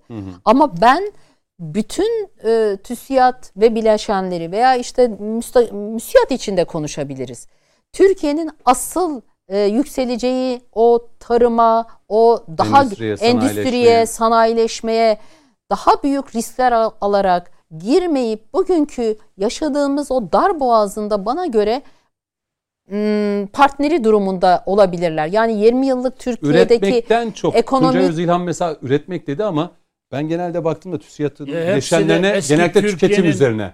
tüketim. Eski Türkiye'deki Yani o- devletin Zaten- desteğiyle Ya bakın- palazlanmış şirketler Bakın bunlar şimdi ya. e, hani e, marketlerle ilgili eleştiri yaparken işte büyük market zincirleri işte 5 harfle başlayan, 3 harfle başlayan, e, S ile başlayan tamam mı? Böyle söyleyeyim de yarın öbür gün hukukçu olarak e, bu e, büyük Kimi kapital şirket yok e, dava açmasınlar Evet, peki. şahsımıza ve size. E, ya Türkiye'de e, 400 bin market zincirini sadece siz bunu yaparken bir markete açarken Tüketmek. biliyor muydunuz ki biliyor muydunuz ki siz o şehrin ekonomisini binlerce esnafın da kepenk kapatmasına neden olacak bir sürecin parçası, olduğunuzu. Yani hani markette e, kağıt peçete satarak belki bugün TÜSİAD e, benzeri veya TÜSİAD'ın e, üyelerinin arasında çok büyük kaza- para kazandılar. Amenna. İstihdam da sağladılar. Ama bir o kadar da bir ülkenin, küçük bir şehrin, Nevşehir'in, Niğde'nin, ne bileyim e, Kars'ın e, bir bölgesinin e, ne açılan 3 tane marketle veya 5 tane e, hızlı tüketim e, alanı yaratarak binlerce esnafa da zarar verdiniz. Yani bu bir açgözlülüğünüz de yok mu Sayın TÜSİAD? Bu konuda niçin gerçek anlamda e, paranın e, artık böyle e, koyulacağı yer bulamadığınız noktada daha farklı alanlarda, daha farklı ülkeyi Memleketin gerçek noktasında demeyeyim de direkt bir vatandaşı şey- ilgilendiren meselelerle evet, hemhal e, olmak. şey almadınız. Cüneyt Ha, bu bir da tek örnek gösterebilir misiniz? Eski Türkiye'deki devletin desteği tırnak içinde desteği ne anlama geldiğini anlatmadan söylüyorum. Olmadan bu seviyeye gelmiş. Bir de Batı sermayesiyle eklemlenmiş o güdümlü Batı. hani böyle çok Bir tek- şey somutlaştırmak isterim mesela Bir tek vekilim. şirket. Bakın Bir şunu tek şirket söylesinler isterim. TÜSİAD'ı. Ben mesleğe ilk başladığımda hani bugün teneke dediğimiz arabalara araba Evet. e, değil mi? 100 bin, 200 bin, 300 bin dolarla alınıyordu. Ve o insanlar Şimdi biliyorsun bu arabalarda bu tavuk ülke- içinde yani ölür bu gibi ülkede, gittiler. bu Emniyet ülkede yok. gerçekten hani bu ülkede 40 Birisi- yıl boyunca hani lastik üretip nasıl olur da araba üretimi konusunda bir Honda kadar olamadık mı? Hazine arazileri, milli Olamadık emlak mı? arazileri, Ya da ormana ait aynen. araziler devletin desteğiyle Batı sermayesinin bilmem neyle şimdi kalkıyorlar Batı'nın değerleri üzerinden bize ayar çekmeye ya çalışıyor. ben ben TÜSİAD'ın varlığından hani rahatsız olan bir Ben bu e, haliyle rahatsızım. değilim Ben ama bu haliyle TÜSİAD rahatsızım. Veya başka e, sivil toplum, e, sivil toplum, örgütlü toplum bize kin kusacaklar olan rahatsızlık bu, duymayacağız. Bu, bu, bu, bu yapıların bazen geldiğimiz e, bu sorunlarda paydaşlıklarını Anladım. da belirtmek istiyorum. Peki. Ama e, vurguladığım konuda hem e, Sayın Tuncay Özilhan'ın hem de e, Kavlovski'nin bazı Niye konularda FETÖ'den fikir- rahatsızlık duymuyorlardı? fikirlerine katıldığımı da Niye belirterek TÜGVA'dan rahatsızlık duyuyorlardı, FETÖ'den rahatsızlık duymuyorlardı? Binlerce okulları vardı FETÖ'nün. Bir tek gün olsun devletin kendilerine verdiği yerler vardı. Bir tek gün olsun FETÖ'den rahatsızlığını TÜSİAD dile getirdi mi? Ama şimdi TÜGVA'dan rahatsızlar. Afganistan örneği üzerinden kadın kadın eşitliğini, kadın erkek eşitliğini bu ülkede sağlamış AK Parti iktidarını Taliban'la özdeşleştirerek laiklikten uzaklaştığımızı söylüyorlar. Bu ahlaksızca bir saldırıdır. Yalandan ibaret bir algı operasyonudur. Ve bizi kim kusuyorlar yani nasıl bir de toleransla Ben karşılayacağız ya? şimdi Pınar Hanım'ın söylediğinden şunu anladım. Mesela TÜSİAD yıllardır keşke bu ülkenin toprakları içerisinden markalar üretilseydi Tabii ki. dışarıya. Tabii. Genelde dışarıdaki markanın Türkiye'deki Yani adeta hani hepsini- temsilcilikleri gibi. Distribütör ya. Evet, Hepsini şey yapmayayım ama hani fason üretim Anladım, veya işte anladım. e, Ya kendi ne diyoruz? markalarımızı üretebileceğimiz. Tabii ki. bu- Bunları keşke Yani araç- Zihniyetleri de öyle. Biliyoruz hani Evet. şu an marka söylemiyorum ama bir arabanın öyle. üretimini elbette yaptılar ama içi öyle. İtalya'daki motoru getirip buraya ne diyoruz? Montaj. Evet. Montaj, montaj sanayi üzerinden. Evet yarattıkları istihdama Önemli hiçbir itirazım ama biz yok. yapsak. Teşekkür ediyorum. Ama bugün eğer Türkiye kendisi üretip kendi ürettiğini ihraç edemeyen bir ülke durumundaysa Şimdi pay olarak yüzde bir mi dersiniz yüzde beş yüzde falan ama var. evet. Pay- Şimdi paydaşlıkları ben var. Coşkun Bey'e döneceğim. Yani Yoğun dakikası- Anadolu sermayesinden duydukları rahatsızlık bu. Siyasal elitler, ekonomik elitler el değiştirdiler. Adıyaman'ın kahtasında ayağında şalvarı olan bir Mehmet Metiner'in, Kasımpaşa'da bir takanın oğlu olan Recep Tayyip Erdoğan'ın bu ülkeyi yönetmesinden rahatsızlık duyuyorlar. Biz onların zencileri değiliz. Şimdi Efendim e, işte 5 tane 10 tane zengin. Seni kim zengin etti ya? Sen, sen, sen hangi iktidar döneminde, hangi devlet döneminde, hangi batı sermayesiyle zengin olduğunda şimdi kalkıyorsun bize bu milletin öz evlatlarına çemkiriyorsun ya Avrupa değerler üzerinden. Böyle bir sivil toplum kuruluşu olur mu ya? Coşkun Bey bekliyor. Ee, şöyle pas atayım. Ee, bakma. Sayın Cumhurbaşkanı Erdoğan başbakan olduğu dönemdeydi galiba. Bu yerli otomobille alakalı TÜSİAD üyelerinin de olduğu kürsüde şunu söyledi. Bu yerli otomobili yapmak isteyen baba yiğitler yok mu dedi Ha, bu evet salonda. işte. Bu soruyu 40 yöneltmiş. yıl Orada TÜSİAD yaptık, başkanı dahil olmak yaptık. üzere TÜSİAD'ın işte müsiyata da pek çok iş insanların bir arada olduğu yerde Cumhurbaşkanı bu soruyu yöneltmişti. Bu milli yerli otomobili yapabilecek bu salonda yok mu baba yiğitler diye açık çek de verdi. Yani hani varsa elinizi kaldırın Geçen gelin devlet geçmiş, olarak 40 yıl tabii geçmiş. destek vereceğiz. Tabii. Hadi montajı tabii, geçtik. tabii, Hadi artık tabii. bir an önce. Buyurun Coşkun Bey. önce. Reklama gideceğiz demeyeceksin herhalde. Yok daha var. Bir 10 dakikaya yakın süremiz var. Buyurun. Şimdi şöyle ifade edeyim. Ee, Pınar Hocam haklı olarak milli duyarlılık gösteriyor. Diyor ki bu ülkeden bir marka çıkmaz mı? Bu ülkeden bir otomobil çıkmaz mı? Kralı çıkar, kralını da yaparız. Ama bir el Atatürk sonrası durdurdu. Bugüne kadar da o el Şey durdurmayı diyorsun? başardı. Balık. Devrim arabaları. Yok yok balık tutmayın. Biz Ay balığı şey, ha, balık Tabii, tabii. e, verelim. Örnek verelim Balık uçak, araba, değil. otomatik gibi. Şimdi Siz yollar yapın biz arabalar veririz. heh, şimdi burada yani konu helal, Helal. Abi. Güldürdün beni Allah seni de güldürsün. Şimdi burada Daha türküsü var bu işin. Evet. İnşallah. şimdi burada Ama olaya TÜSİAD için türkü söylemeyeceğiz. Alt yakacağız. Olaya burada e, gerçekten hani TÜSİAD başlığıyla başladık. Hı hı. Siyasi yönden ele aldık. Hukuk yönden ele aldık. Ben şimdi biraz meseleye başka bir boyut getireyim. İstihbarat yönden ele alayım. Peki. Şimdi malum hani STK diyoruz ya sivil toplum kuruluşları. Evet. Veya dünyadaki mevcut kurumlar. Hı hı. Atıyorum Birleşmiş Milletler. Atıyorum IMF. Atıyorum NATO. Hı hı. Bunların hepsinin bir takım yerlere biz hizmet eden taşeron yapı olduğunu söylediğimizde birçok akıl ya olur mu öyle şey koca Birleşmiş Milletler 198 tane ülke bir araya gelmiş. Nasıl bir yapı bunu yönetebilir diye karşı çıkıyordu. Hı. Bunun böyle olduğunu Cumhurbaşkanı iktidara geldiği an işte o beş kelimesiyle bütün ülkeye değil dünyaya öğretti. Ve bugün geldiğimiz nokta itibariyle biz bu kurumların fason, taşeron bazı yapılara hizmet ettiğini artık belgeledik. Buna NATO da dahil. Bugün Rusya açıklama yapıyor. Diyor ki Birleşmiş Milletler konusunda Türkiye haklı. Hı hı. Günaydın diyeceksin. Onu da senin hayrına söylemiyor. O beşin içindeki diğerleri cephe aldığı için karşısında yanına bir yol arkadaşı arıyor. Hı hı.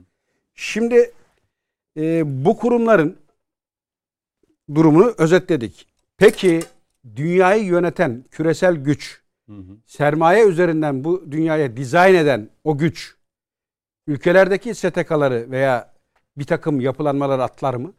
Atlamaz. Mümkün değil. Yani ben buna eğer cevaben olabilir kardeşim bu yapıya karşılık e, atlayabilir veya milli kuruluşlar ayakta durabilir dersem birçoğu bana güler. Bu kader geldi. Nereye kadar?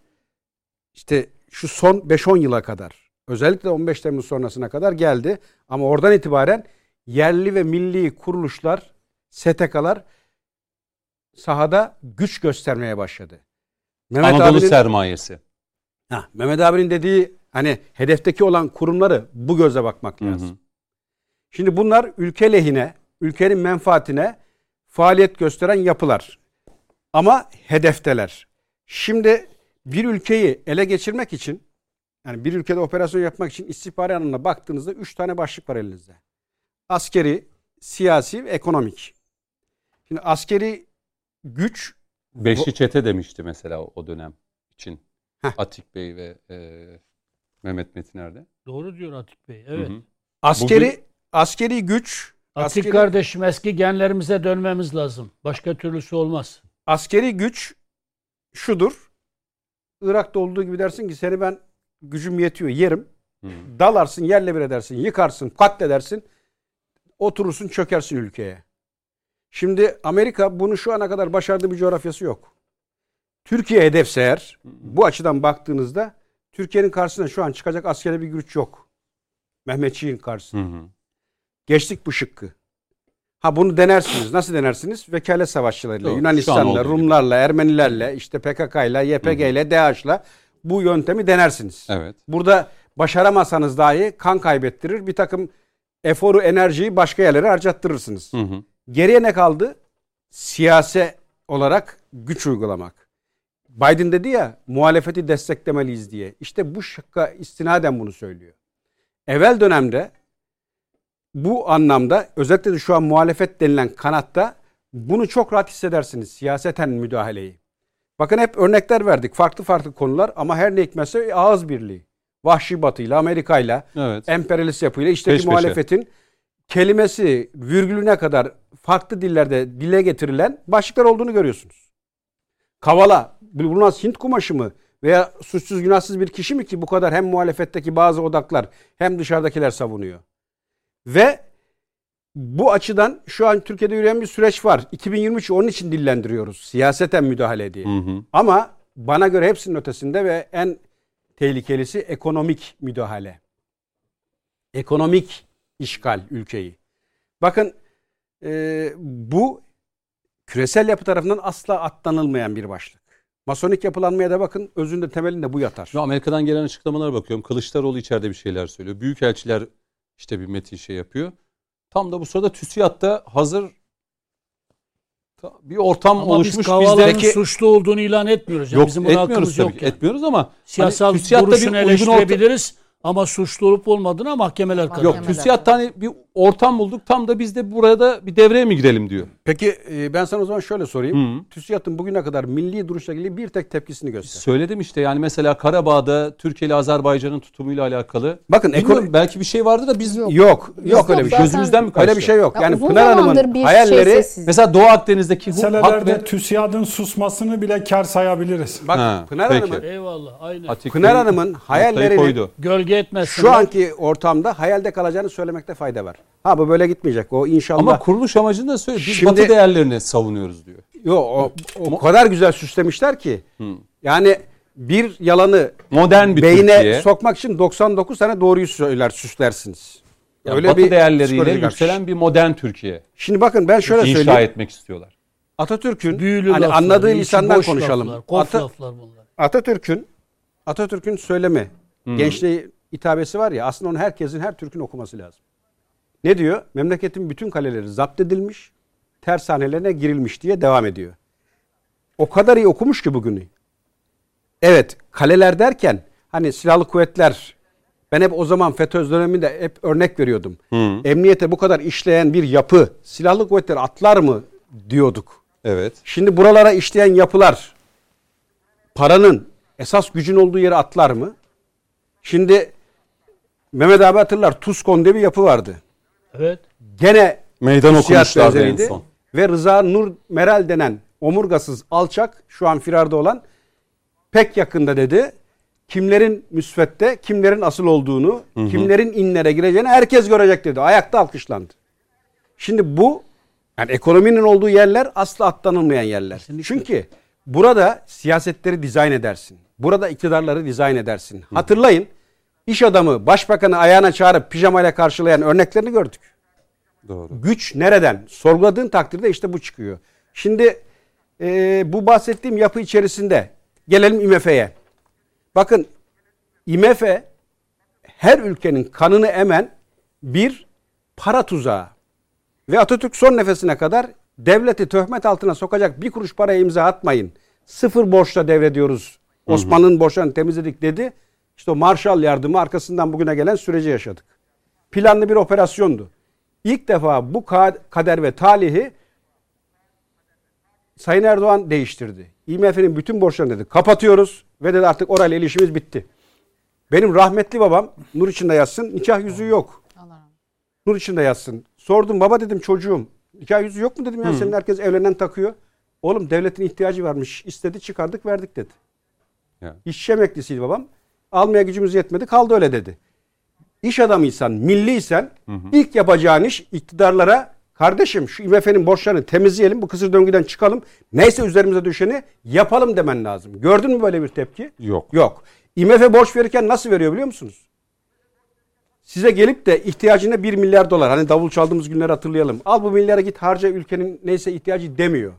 Bunu şu şu şu alanlarda şu şu şu firmalar üzerinden harcayacaksın diyor. Şimdi kaynağın... Kuruluşlar üzerinden, Heh, şirketler üzerinden. heh. Şimdi burada servetin kaynağını açıklayamayacak birçok isim sayabilirim. Osman Kavala onlardan biri olabilir mi? İşte bilmem onu izleyenler takdir etsin. Dolayısıyla burada herkes bulunduğu konumu sorgulamalı ve milli duruşta nerede olduğunu anlamalı. Reklama gideceğim yine. Gideceksen son söz şunu Tamam. söyleyeyim. Mesela benim de hep yaradır. Hı hı. Bütün bu yapının tutup da tek bir şirkette toplanmasına gıda üzerinden konuşuyoruz. Ben karşıyım. Mahalledeki esnaflar, o bakkallarımız hepsi yok oldu. Ve bu yapılar üzerinden yok oldu. Ve masonik yapılanma öyle bir hadisedir ki farklı şirketler açar, gün ve saat geldiğinde hepsini bünyesinde toplayıp tek markada ortaya çıkar. Aslında bir operasyondur o. Ve bu süreç içerisinde e, bu bahsettiğim yapıların milli konularda asla tavır göstermediğini, Doğru. tam tersi, tam tersi gün ve saat geldiğinde bir takım yerlerin fişeklemesiyle ortak lisanı konuştuğunu görürsünüz ki Doğru. ben TÜSİAD'ın açıklamasını bu yönde görüyorum. Ve Metin abi, Mehmet abi gibi e, karşıyım. Derhal kapatılmalı sadece o değil. Bakın birçok STK var. Tabipler Birliği dersin. Tıbbın T'sini göremezsin. Mimarlar Odası. Ama başka bambaşka yerlerde gezerler. Peki. Bu nedenle Cumhurbaşkanımız ısrarla bunlar e, farklı yapılar, farklı dizayn edilmiş kurum ve kuruluşlar kapatılmalı diye hem Sayın Bahçeli hem Cumhurbaşkanı Lav zaman zaman dedi. Ben ben kapatılmalı Lav demiyorum. edilmeli. Kendi kendini lav Lav ederek etsin, bir ha, siyasal evet. partiye dönüşmelidir Peki. diyorum. Peki. Bakkal deyince eskiden o bakkaldan aldığımız gofretler ve bisküvitler çok lezzetli olurdu. O bakkallarda kalmadı. Önümüzde Reklam arası duruyorlar ver de. yiyemiyoruz. Reklam Ee, Sayın Metin'e gofret de getirelim bu arada. geliyor. Çaylar da geldi. Bir araya gidelim. Son aramız olacak. Dönüşte birkaç konu başlığımız daha var.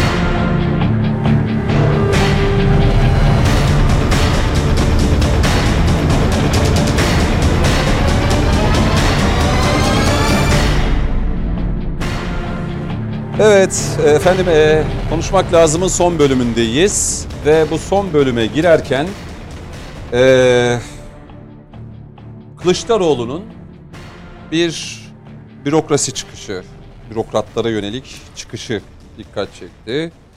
18 Ekim değil mi? Kaç gün geçti? Bugün ayın e, 20'si. Ya 18 Ekim itibariyle dedi bu çağrım geçerlidir. Yani bu çağrıyı verirken ne bekliyordu 18 Ekim pazartesi günden itibaren ne olacaktı diye. Eller Biz de- yukarı falan yani. Bütün bürokratlar kalem Valla yani hani açıkçası e, merak ettik. Sayın Cumhurbaşkanı da Hodri Meydan dedi. Bakalım ne gör- görelim bakalım ne olacak falan diye. E, buradan bir devam edelim. Çünkü siyasi cinayetler iddiasının hemen peşine böyle bir video geldi. E, ve videoda da bürokrasi, bürokraside bulunan bürokratlara yönelik. Onun öncesinde de bir Merkez Bankası ziyareti vardı. Ki umarım artık herhalde 128 milyar dolar nerede sorusunu artık Sayın Kılıçdaroğlu herhalde yöneltmez. Çünkü Şahap Kavcıoğlu o gün çok net bir şekilde Sayın Kılıçdaroğlu'nu bilgilendirdik. Rezervlerimizin ne durumda olduğunu e, ve bu konu üzerinden artık Merkez Bankası'nın yıpratılmaması gerektiğini de ifade etti.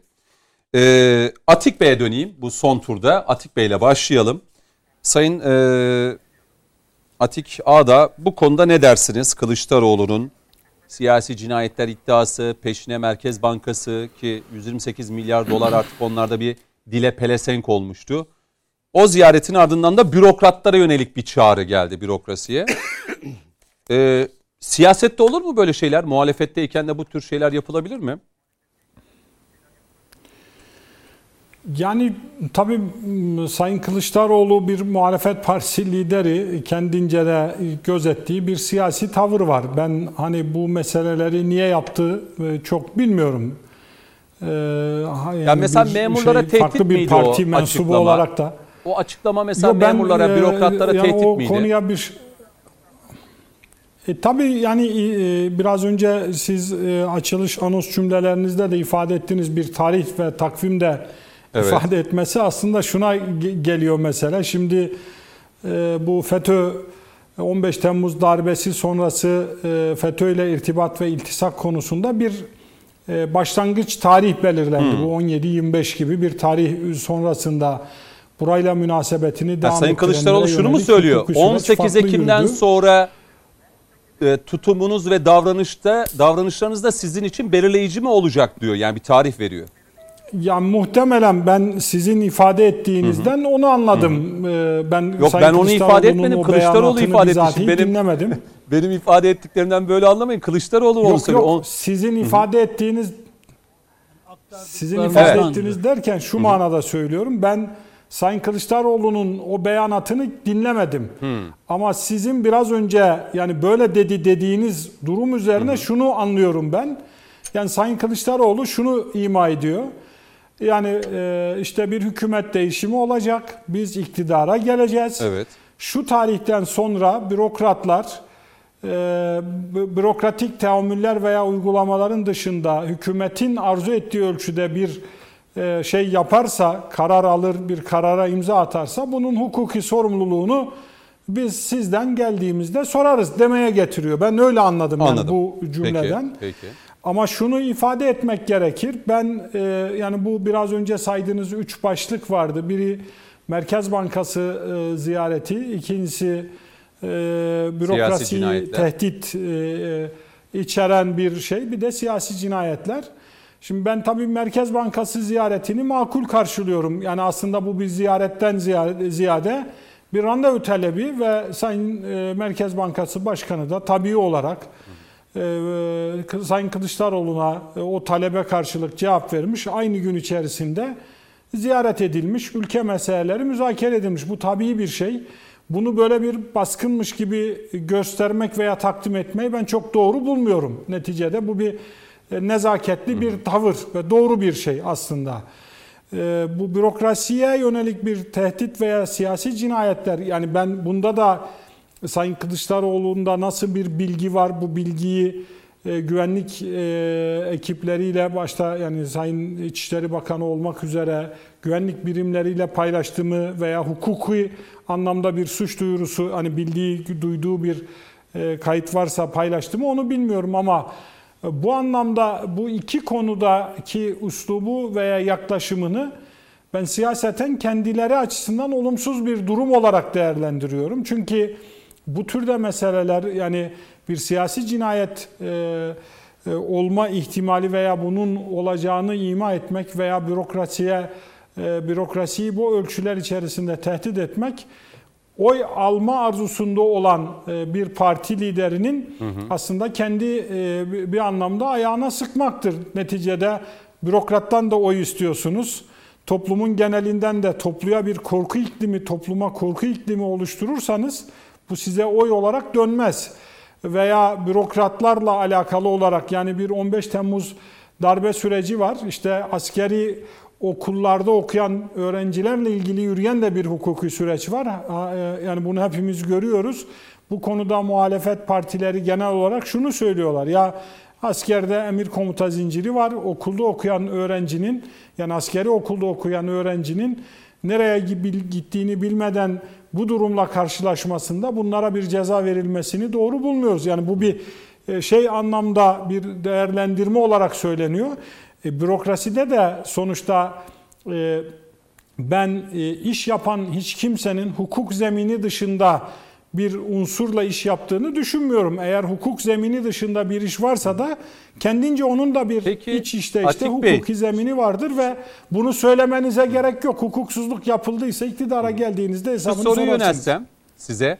Yani bürokratlar arasında bir sandık konulsa e, o sandıktan ne çıkar sizce? Bu soru çok soruldu. Yani bilmiyorum Sayın Metiner'e, Pınar Hanım'a da soracağım. Bu çok yani ben Saadet Partisi'nin genel başkan yardımcısıyım. Ben şunu arzu ederim. Saadet Partisi birinci çıksın isterim. Sayın Metiner? CHP çıkacağına Saadet Partisi çıksın tabii. Sizce, size Olur. göre? Ya tabii ki AK Parti yani. Yani hayır, bürokratlar ve memurlara sandık konulsa sadece onlar üzerinden ben Türkiye'de seçim yapmayayım. yapılsa. Peki. Ben, ben Sayın Başbuğ? Valla e, öylesine bir kutuplaştırıldı ki içinden CHP çıkarsa şaşırmayın. Pınar Hanım? Yani herhalde e, Açık kamu gayet güzel. Yani, yani bu söylemleri partisi olmasını yani şöyle söyleyeyim. Ya. Mesleğim gereği kamu e, kamu kurumlarıyla ve e, pek çok alanda teması olan biri Hı-hı. olarak söylüyorum.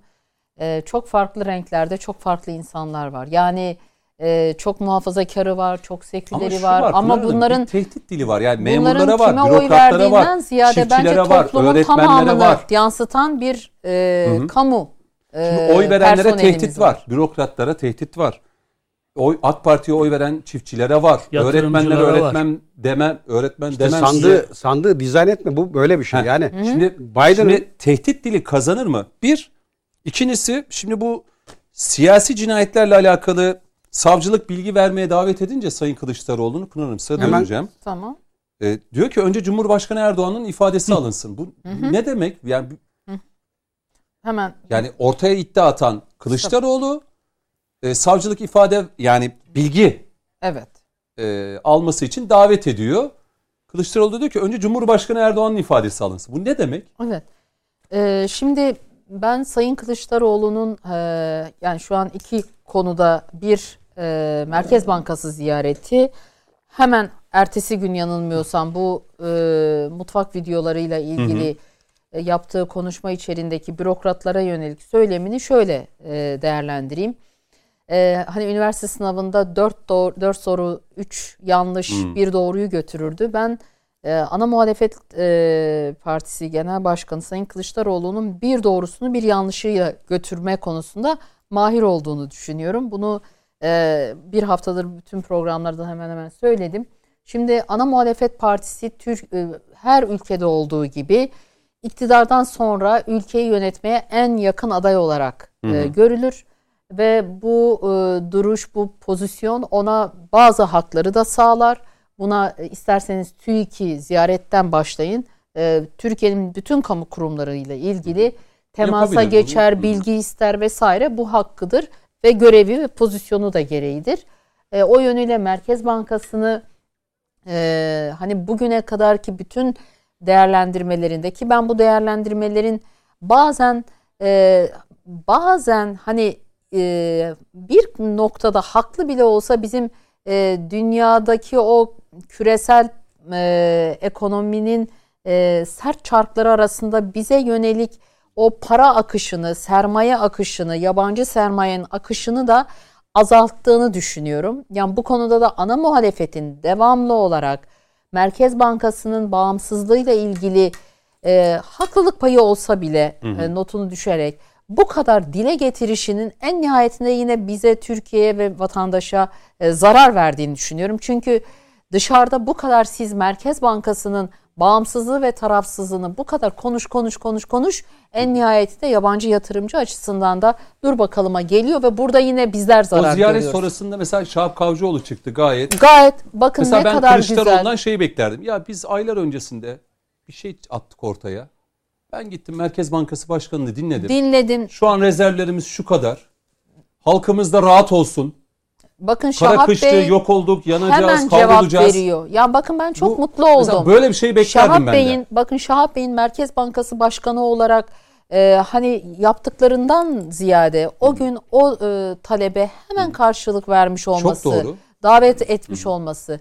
Sayın Kılıçdaroğlu aynen keşke çıktıktan sonra Şahap Bey'le Endişeli verimli olan bir kesimi de rahatlatabilirdi verimli bu. bir şeyimiz Ama- oldu. Gayet iyiydi. Bizi bilgilendirdi Sayın Başkan dediğinde inanın bu 128 milyar dolar buharı olmamış mesela. ya mesela o konuda dese ki şu şu şu yani görüşmenin içeriğini de biraz anlatsa bunun Türkiye'nin en azından hani yabancı e, yatırımcı nezdindeki o flu veya şey bakış açısını değiştirir diye Ama bunu da dava yapmasını üzüm yemek beklerim. değil ki Pınar. Ama ama yani yaptığı ziyareti doğru ve demokratik buluyorum. Keşke hep böyle devam etse. Şimdi gelelim bir yanlışa. Yanlış bürokratlara yönelik e, çağrı. Şimdi bakın Cüneyt Bey Türkiye'de 3 milyon 4 milyon veya 5 milyon kamu görevlisi var. Çarpı 4 diyelim 1 milyon. Yani bunların Ailesi. e, dö- ailesi ve bakın bunların ilk 10 bini çok üst düzey bürokrattır. Doğru. E, 100 bini veya 500 bini İdari iki yönetici. idari yönetici yani e, daha e, etkin ve ehil.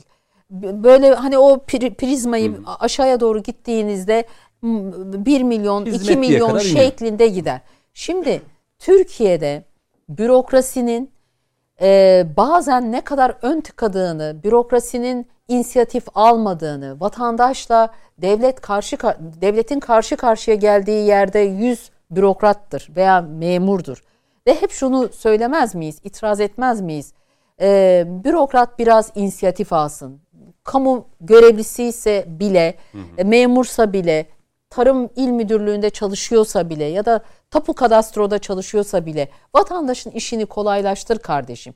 Şimdi ben burada Atik Bey'e şöyle bir konuda katılmıyorum. Türkiye'de her konu yüzde yüz kanun veya nizamla söylenmiş, tarif edilmiş değildir. Çerçeve belirlenir. O çerçevenin içinde kamuyu zarara uğratmaksızın ama vatandaşın da işini, elini rahatlatacak şekilde e, kamu görevlisi çalışmak zorundadır. O da demek oluyor ki takdiri de vardır kamu görevlisinin, devlet memurunun. Şimdi Sayın Kılıçdaroğlu bu açıklamayı yaptığında acaba düşündü mü ki şu an ben devletle, kamuyla vatandaşı karşı karşıya getirdim ve kamu görevlisinin takdir hakkını tamamen sona erdirdim. Şimdi siz düşünebiliyor musunuz? Geçen bir programda o örneği de verdim. Bir KDV iadesiyle ilgili vergi dairesi müdürünün önüne giden şöyle 2 milyon 455 bin 89 lira 25 kuruşluk bir e, evrakta. Velev ki o 5 kuruş orada yanlış hesaplanmış olsun. Siz şu an kamu görevlisinin takdir hakkını bu şekilde elinizde elinden aldığınızda biliyor musunuz ki o 5 kuruşluk eksiklik belki kamu için hiçbir anlam ifade etmez. Vatandaş için de hiçbir anlam ifade etmez. Ama o müdürün o evrağı geri göndermesini aylarca belki o vatandaşın işinin sürüncemede kalmasına Mağdur. neden olur. Yani çünkü yarın öbür gün o 5 liranın kamu görevlisinin Ben- ben görevi şimdi- ihmal Hı, olarak da anladım. değerlendirebilirsiniz. Siz de şöyle diyorsunuz. Kılıçdaroğlu'nun bu çağrısıyla Kılıçdaroğlu'na ya işte zan altında bırakmak için. şey. Bütün 4 milyonu Ya zan tamam, altında bırakıyorsunuz. bu şeyine kulak verelim. Bürokrasiyi biraz yavaşlatalım. Ta- Vatandaşı İster- mağdur Kötü edelim. niyetli olan memur bunu yani kullanır. şu iki günde tamamlanacak işi iki ay sonraya. Onu da diyebilir. Ayrıca ayrıca vatandaşın işini rahatlatalım önemli değil. O 5 kuruş diyen kişi de şurada şüpheye düşer. Ya benim bu 5 kuruşumu yarın öbür gün kamuyu zarara uğrattın diye bana dönecek bir davaya da dönüştürebilirler. Veya görevimi ihmal ettiğimi de dönüştürebilir. Yani bu bu ciddi bir Evet. kaotik bir ortam yaratır. Ben o yönüyle hem 4-5 milyon kamu görevlisini zan altında bırakmanın hem e, takdir hakkı olan ve vatandaşın işini kolaylaştıran o ağının ortadan Peki. kaldırılışını hem de 4 milyon çarpı 5 dediğinizde de 20, 20 milyon milyona yakın insan. insanın da sıkıntıya düşeceğini Peki. düşünüyorum. Şimdi e, bir yönetmenimden belki 5 dakika daha alacağım. Peki vaktimiz var. E, bugün güne başlarken Sayın Metiner beni aradı. Özellikle e, Cüneyt dedi bu konuya da girecek miyiz diye. Ben de evet Sayın Metiner dedim bu konuya gireceğiz dedim. E, hani süreyi de iyi değerlendirmek açısından Sayın Metiner İmamoğlu'nun şu Diyarbakır gezisini, orada verilen fotoğrafı, çekilen halayları açıkçası konuşmak isterim. Çünkü bugün Kılıçdaroğlu'na da bu soru yöneltildi. Meral Akşener'le bir araya geldiler basın toplantısında. Kılıçdaroğlu benim iznimle dedi oraya gitti. Ben izin verdim dedi kendisine. Hani E ne diyecek başka? yurt gezileriyle alakalı. Siyaset yapıyoruz. Ne diyecek Evet başka? bunu söyledi. Ama orada ortaya çıkan bir fotoğraf vardı. Ee, yani mesela biz de paylaştık. Diyarbakır anneleri var orada. Aileler var. Onlar serzenişte bulunuyor. Yani neden serzenişte bulunduklarını da anlamak mümkün değil. He, gidilebilirdi. Evet bu bir inisiyatiftir. Ama Ekrem İmamoğlu gitmedi ve kimlerle bir araya geldi? Verilen fotoğrafta kimler vardı? Halay çekilirken oradaki isimler kimdi? Neydi? Ee, Sayın Metiner e, sosyal medya hesabından da paylaştı. Bir beyaz Kürtler ve bir beyaz Türkler hikayesi var. Orayı bir açalım. Ne oldu Diyarbakır gezisinde Ekrem İmamoğlu? Orada nasıl bir fotoğraf verildi? Yani e, bir O büyük fotoğrafı da bu arada ekrana bir getirelim. bir, Peki. bele- bir, Heh, evet. Şu fotoğraf değil mi Sayın Metiner? Ya bir de bu- halay var. bu fotoğraf e, zaten her şeyi açıklıyor. Peki. Bilmeyenler için bir daha bir açıklayın. Nedir bu fotoğrafta ne var bizim bilmediğimiz? İşte kimler yan yana duruyor belli zaten yani. o Beyaz- arkadaki şeylerle alakalı çok şey e, konuşuldu. Böyle çok ortada. hafıza değil o zaten. Hı hı. Ee, tırnak içinde zenci Kürtlerin acılarını, değerlerini e, e, pazarlığa çıkartan bir siyasal zihniyetin iflas etmiş halidir orada. Türkiye'nin hafızası denildiğinde çok daha başka şeyler Bir de yönetmeninden gelir. isteyeceğim. İşte Ertuğrul Özkökler var. e, halaylar çekiliyor orada. Onu da bir bulabilirsek buyurun Sayın Metiner. Şimdi görüntü kalkarsa çok daha Tamam, rahat görüntüyü e, alalım. konuşuruz. Peki. Buyurun. Şimdi e, şöyle bir tablo düşününüz. Bir ceberrut devlet anlayışı var. Uzun yıllara sari Kürt kimliğini inkar eden asimilasyonu ve cebri politikaları devlet anlayışına dönüştürmüş bir ceberrut devlet anlayışı var. Kürt dediğinizde bile sağınıza solunuza baktığınız dönemleri hatırlayın. Biz yaşadık. Ben annemle rahmetli annemle Naze annemle Kürtçe konuştuğum için kulübeden çıktığımda polis tarafından azarlanmış bir insanım.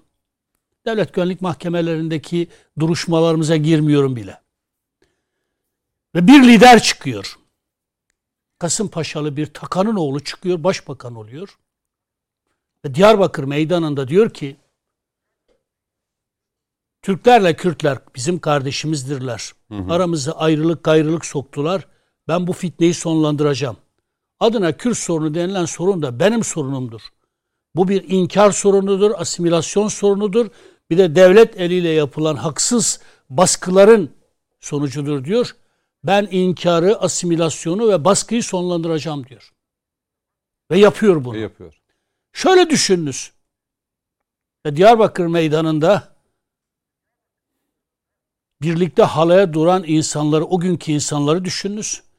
Bir de bugün Diyarbakır meydanında beyaz Kürtlerle beyaz Türklerin dansını düşününüz. O halay Kürtlerin halayı değil. Şimdi siz Recep Tayyip Erdoğan'a düşmanlık yapacaksınız. Kürt sorunu çözen, inkarı, asimilasyonu ve Kürt halkı üzerindeki o 90'lı yıllardaki devlet adına yapılan baskıları sonlandıran o yürekli insanı, o asil insanları, o asil insanı düşmanlaştıracaksınız. İmha edilmesi gereken bir düşman olarak göreceksiniz. Ama Kürt kimliğini inkar edenlerle, Kürt halkı üzerindeki o ceberrut politikaları, buna Sayın Akşener de dahildir, İçişleri Bakanlığı dönemi de dahildir. Ahmet Kaya bir söz söyledi diye. Kürtçe şarkı söylersin. Diye. Kürtçe şarkı söyleyebilirim ki Ahmet doğru düz Kürtçe de bilmiyordu. Yani benim çok değerli bir dostumdu. Mekanı inşallah cennet olur, toprağı bol olsun. Neyse yani e, Gülten'e de burada sevgilerimi gönderiyorum. Çok anlamlı bir tepki koydu. Ahmet Kaya'ya neler neler yazan, vay şerefsiz vay diye Hürriyet gazetesinde sür manşet. Diğerinin yazdığı şeyleri yazmıyorum. Siz o dönem Kürtlerin kimliğini inkar eden, Kürtleri asimile eden, Kürtlere baskı uygulayan, o ceberrut iktidarlar döneminde muktedirlerin safında hizalanmış insanlarla, yani o beyaz Kürt Türklerle kol kola gireceksiniz. Bunun adına da Kürtlü Kürtçülük diyeceksiniz öyle mi? Sayın Ahmet Güneştekin. Bunun adına da Kürtlü Kürtçülük hafıza odası diyeceksiniz. Az biraz hafızanız varsa, az biraz hafızanız varsa, Sayın Erdoğan'ın eksik bıraktığı bir şey varsa bile, temel bir paradigmayı, bir inkar ve asimilasyon paradigmasını sonlandırdığı için eli öpülecek bir lider olduğunu takdir edersiniz ya. Oy vermeyin. Gene siyaseten mücadele edin. Ama Kürt kimliğini inkar eden, Kürt dilini, kültürünü yasaklayan CHP ile kol kola gireceksiniz. Ahmet Kaya'nın Kürtçe şarkı söyleyebilirim sözüne bile tahammül göstermeyip gazetesinde vay şerefsiz vay diye bir başkası yazar üzerinden Ahmet'e kim para verirse Ahmet'e o satın alabilir diyen bir takım insanlarla kol kola gireceksiniz. Erdoğan'ı devirmek için kol kola gireceksiniz ve bunun adına da Kürtlük diyeceksiniz. Sevgili Orhan Mir Ekrem Miroğlu'nun bunun neresinde Sayın bunun Metin? işte beyaz Türk. Hmm. Zenci Kürtler dediğim şey şu. Yani bütün bu acıları yaşamış. yaşayanlar. Siz Evladını dağda yitirmiş. Hala evlatları cezaevlerinde olan. İç göçler dolayısıyla İstanbul'un çeperlerinde yoksulluk, iliğine kadar yoksulluk yaşamış. Ama buna rağmen devletin arayıp da sahiplenmediği o Kürtler var ya, benim benim halkımın değerli evlatları var ya, PKK'ya, HDP'ye de mecbur bıraktığımız o günkü devlet politikaları dolayısıyla halkımız var ya, onların değerlerini satacaksınız. Beyaz Türklerin sosyete kulübüne dahil olmak için ve de onların takdirlerine mazar olmak için. Bu bir ihanettir, ihanet. Nişantaşı'nda Beşiktaş'ta sandıkta çıkan sonucun Diyarbakır'a yansıması mı? Bu bir ihanettir. Bu bir ihanettir. Ben Kürt kardeşlerimden, Kürdün hası olan biri olarak söylüyorum. Biz Amerika'nın Kürdü değiliz. Biz Türkiye'nin Kürdüyüz. Biz Kürt asıllı Türk de değiliz. Biz Kürdüz ama Türk bizim kardeşimizdir. Biz birbirimizin kardeşiyiz. Bu devlet bizim devletimiz. Bu vatan bizim. Dolayısıyla sen Erdoğan gibi bir lideri düşmanlaştıracaksın. Ama yıllar yılı sana zulmedenlere aşık olacaksın. Onlarla kol kola gireceksin. Bir de Erdoğan'ı devirmeye çalışacaksın. Bu iki şeyle açıklanabilir. Bir Stockholm sendromuyla kendi celladına aşık olma. İki, Frans Fanon'un toprağı bol olsun, siyah deri, beyaz maske dediği. Yani zencisiniz, ezilmişsiniz. Sizin değerlerinize sahip çıkan, sorunlarınızı görüp çözen bir insana en azından sevgi göstermiyorsanız, takdir duygularınızı ifade edeceksen beyaza öykünmeye, sana zulmedene, sana haksızlık edene, seni yok varsayana öyküneceksin. Diyarbakır'daki tablo budur. İmamoğlu çok akıllı bir politikacı. Kendini tebrik ediyorum. Bütün herkesi bu şekilde idare etmesini biliyor. Meral Akşener'i de çelek göndermiş. Balıkesir'e başka mesaj veriyor.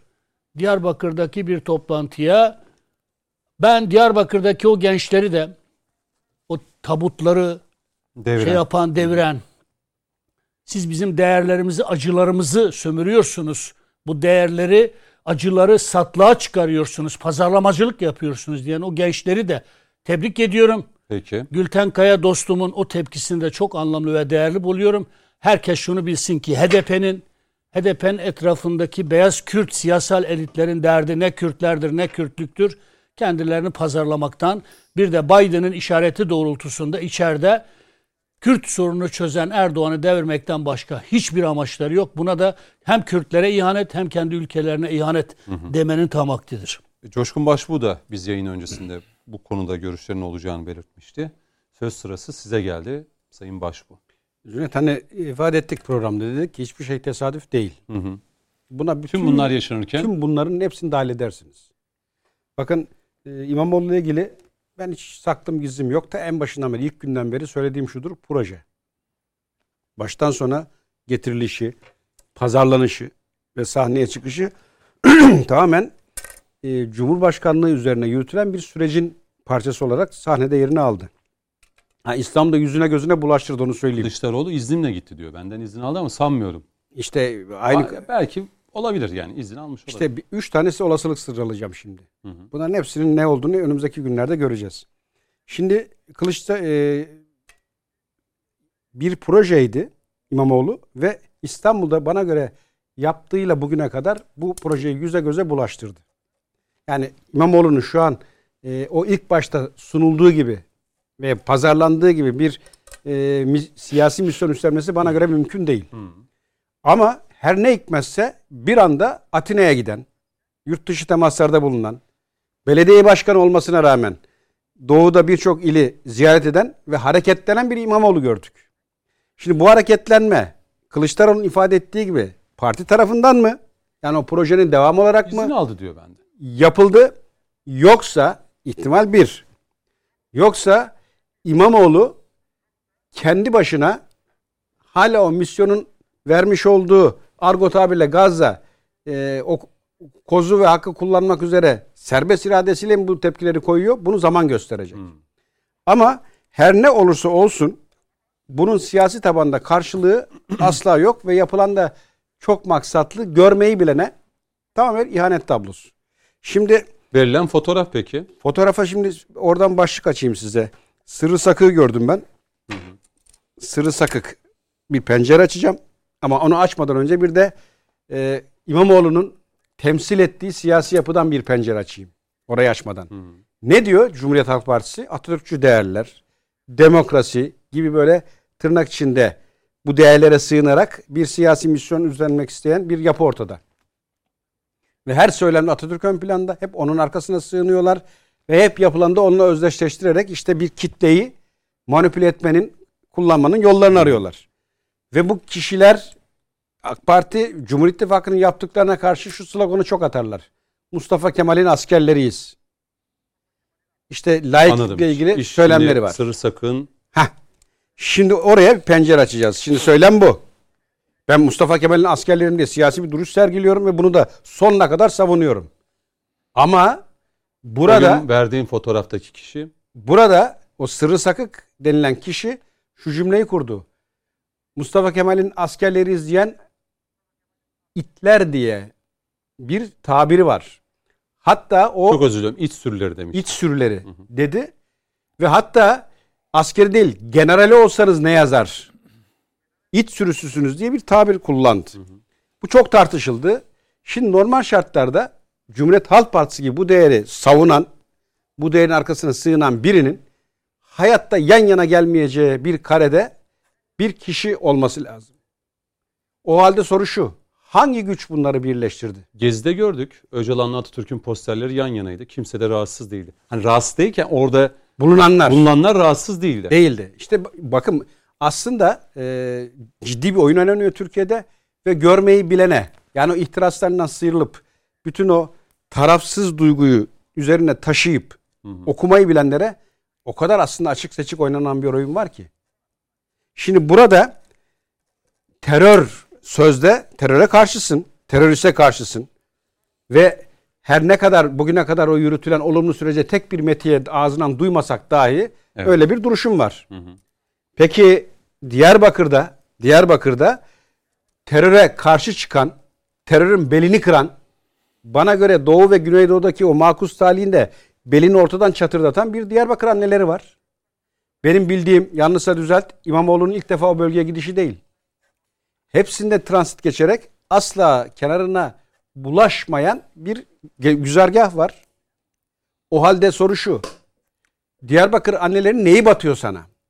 Neyi ters geliyor da burayı görmezden geliyorsun? Ha şunu dese Gitmek istedi de gidemiyor mu?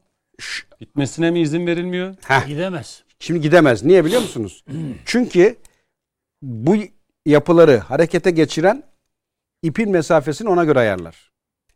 Bizim tabur komutanımız vardı görev yaptığımız sürece. Hı hı. Elinde bir çuval alır böyle ikiye bir alttan bir üstten sıkardı. Ancak bunun içinde oynarsınız. Yani benim kontrolümde burada hareket edebilirsiniz. Bunun haricinde hiçbir yere müsaade etmem derdi. Evet. Şimdi o bahsettiğimiz yapılar e, Mehmet abinin ifade ettiği gibi oraya gitmesine asla müsaade etmez. Ha bu bir gitmez ama gitse dahi orada zaten alacağı bir tepki var onu da söyleyeyim. Evet. Çünkü orada inanılmaz onurlu, inanılmaz ülke lehine bir süreç yürüyor. İlk daha annemiz o sahneye çıktığı an TVNet'te biz olayı yorumladık. İlk dediğim cümle şuydu. Hacire anne. Hacir anne e, torun seviyormuş. Allah daha nice torunlar sevdirsin. Bu süreç çok önemli. Bütün medya, bütün siyasiler bu süreci desteklemeli ve göreceksiniz. Göreceksiniz. Diyarbakır annelerin sayısı artacak ve bu Adı süreç artacak ama şöyle diyeyim ya ne mesaj verilmek istendi yani içe, içeride yani Ekrem İmamoğlu orada sırrı sakır. Kim demiştiniz bir de Sayın e, Metiner? Bir isim daha Güneş Tekin mi demiştiniz? Ahmet Güneştekin Heh. işte Ha, sanatçı. serginin sahibi zaten. Ee, ya orada bir mesaj mı var yani topluma? Toplum tüm kesimlerine. Hafızasını, toplumun, Kürtlerin hafızasını silmeye çalışıyorlar. Anladım. Orhan Miroğlu kardeşimin de dostumun da dediği gibi hafıza odası mı açmak istiyorsunuz? O annelerin çadırlarına girin de size o hafıza çadırından Hı hı. Kürtlerin hafızası nasıl silinmek isteniyor biliyor musunuz? Ben bir Kürt olarak bu yüzden feryat ediyorum. itiraz ediyorum. Ya Kürt halkının varlığını kim inkar etti Allah aşkına ya?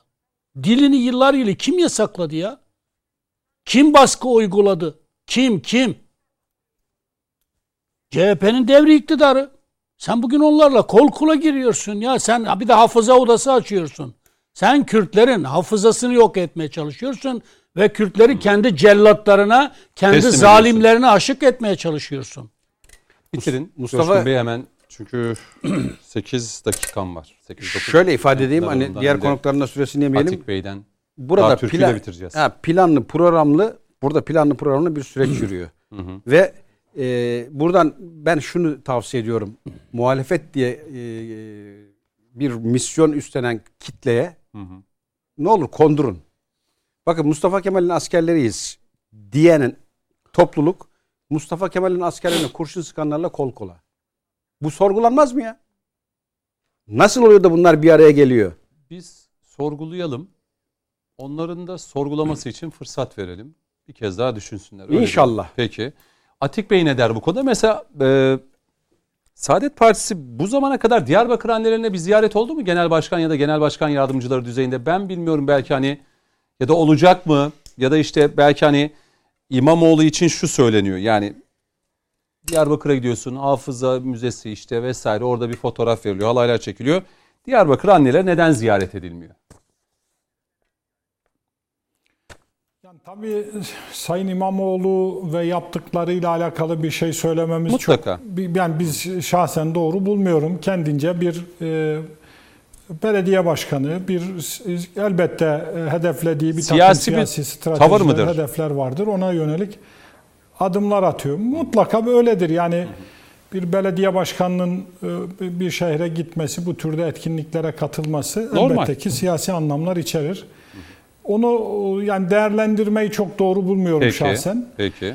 E, Diyarbakır anneleri meselesine gelince e, elbette yani genel başkanımızla parti mensubu arkadaşlarımızla Diyarbakır'a gittiklerinde uğradılar oraya ve ben şahsen bu konuda orada annelerin vermiş olduğu mücadeleyi çok önemli ve ileriye dönük ülkede oluşturulması bizim bu Kürt meselesi bu bu sorunun çözümüne yönelik işin asli muhataplarının bir e, hamlesi olarak görüyorum. Keşke bu mesele bö- böyle e, siyaseten geri planda kalmayıp daha öne çıkan bir durum olabilseydi. Ben şunu özellikle ifade etmek isterim.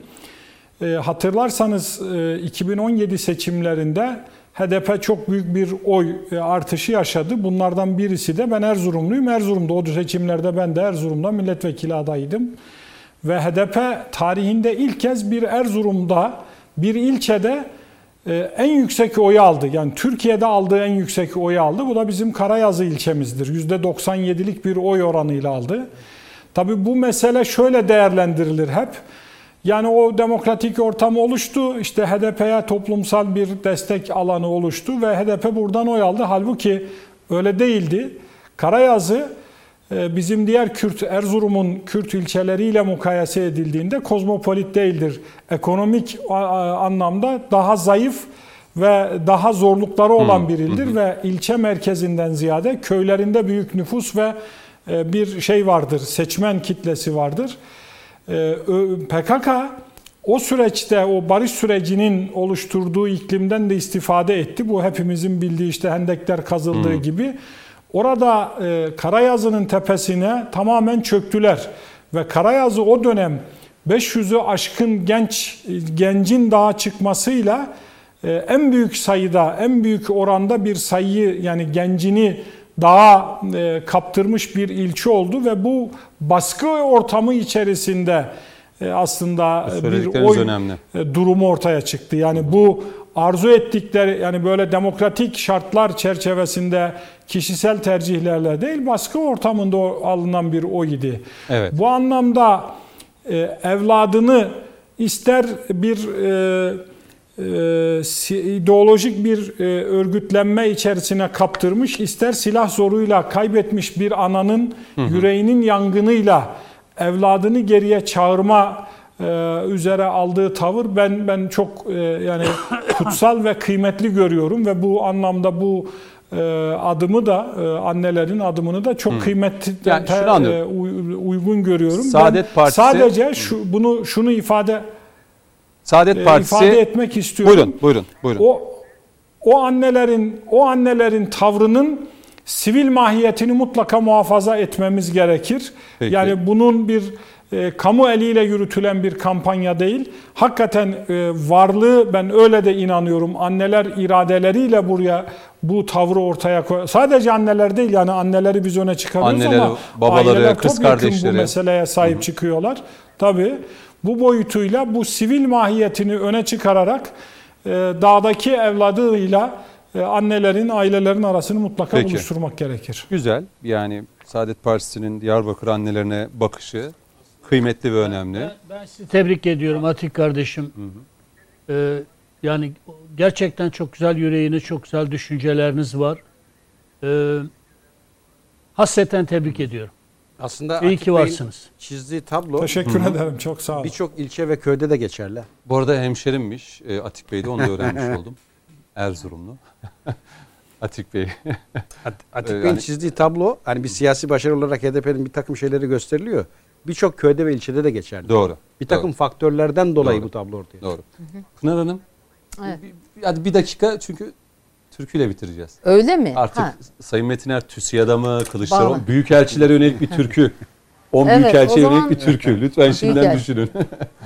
O zaman şöyle söyleyeyim. Yani hı hı. tabii her dönem e, her dönem kendi elitini yaratır. Yani e, bu e, kendi çıktığınız toplumun toplumdan biraz daha uzaklaşarak biraz daha farklı bir e, noktaya kendinizi konumlandırabilirsiniz. Yani ben öncelikle Ahmet Güneştekin, e, Batmanlı bir e, Kürt e, sanatçı. E, bazı sergilerine de katılmışım ve takip de ediyorum.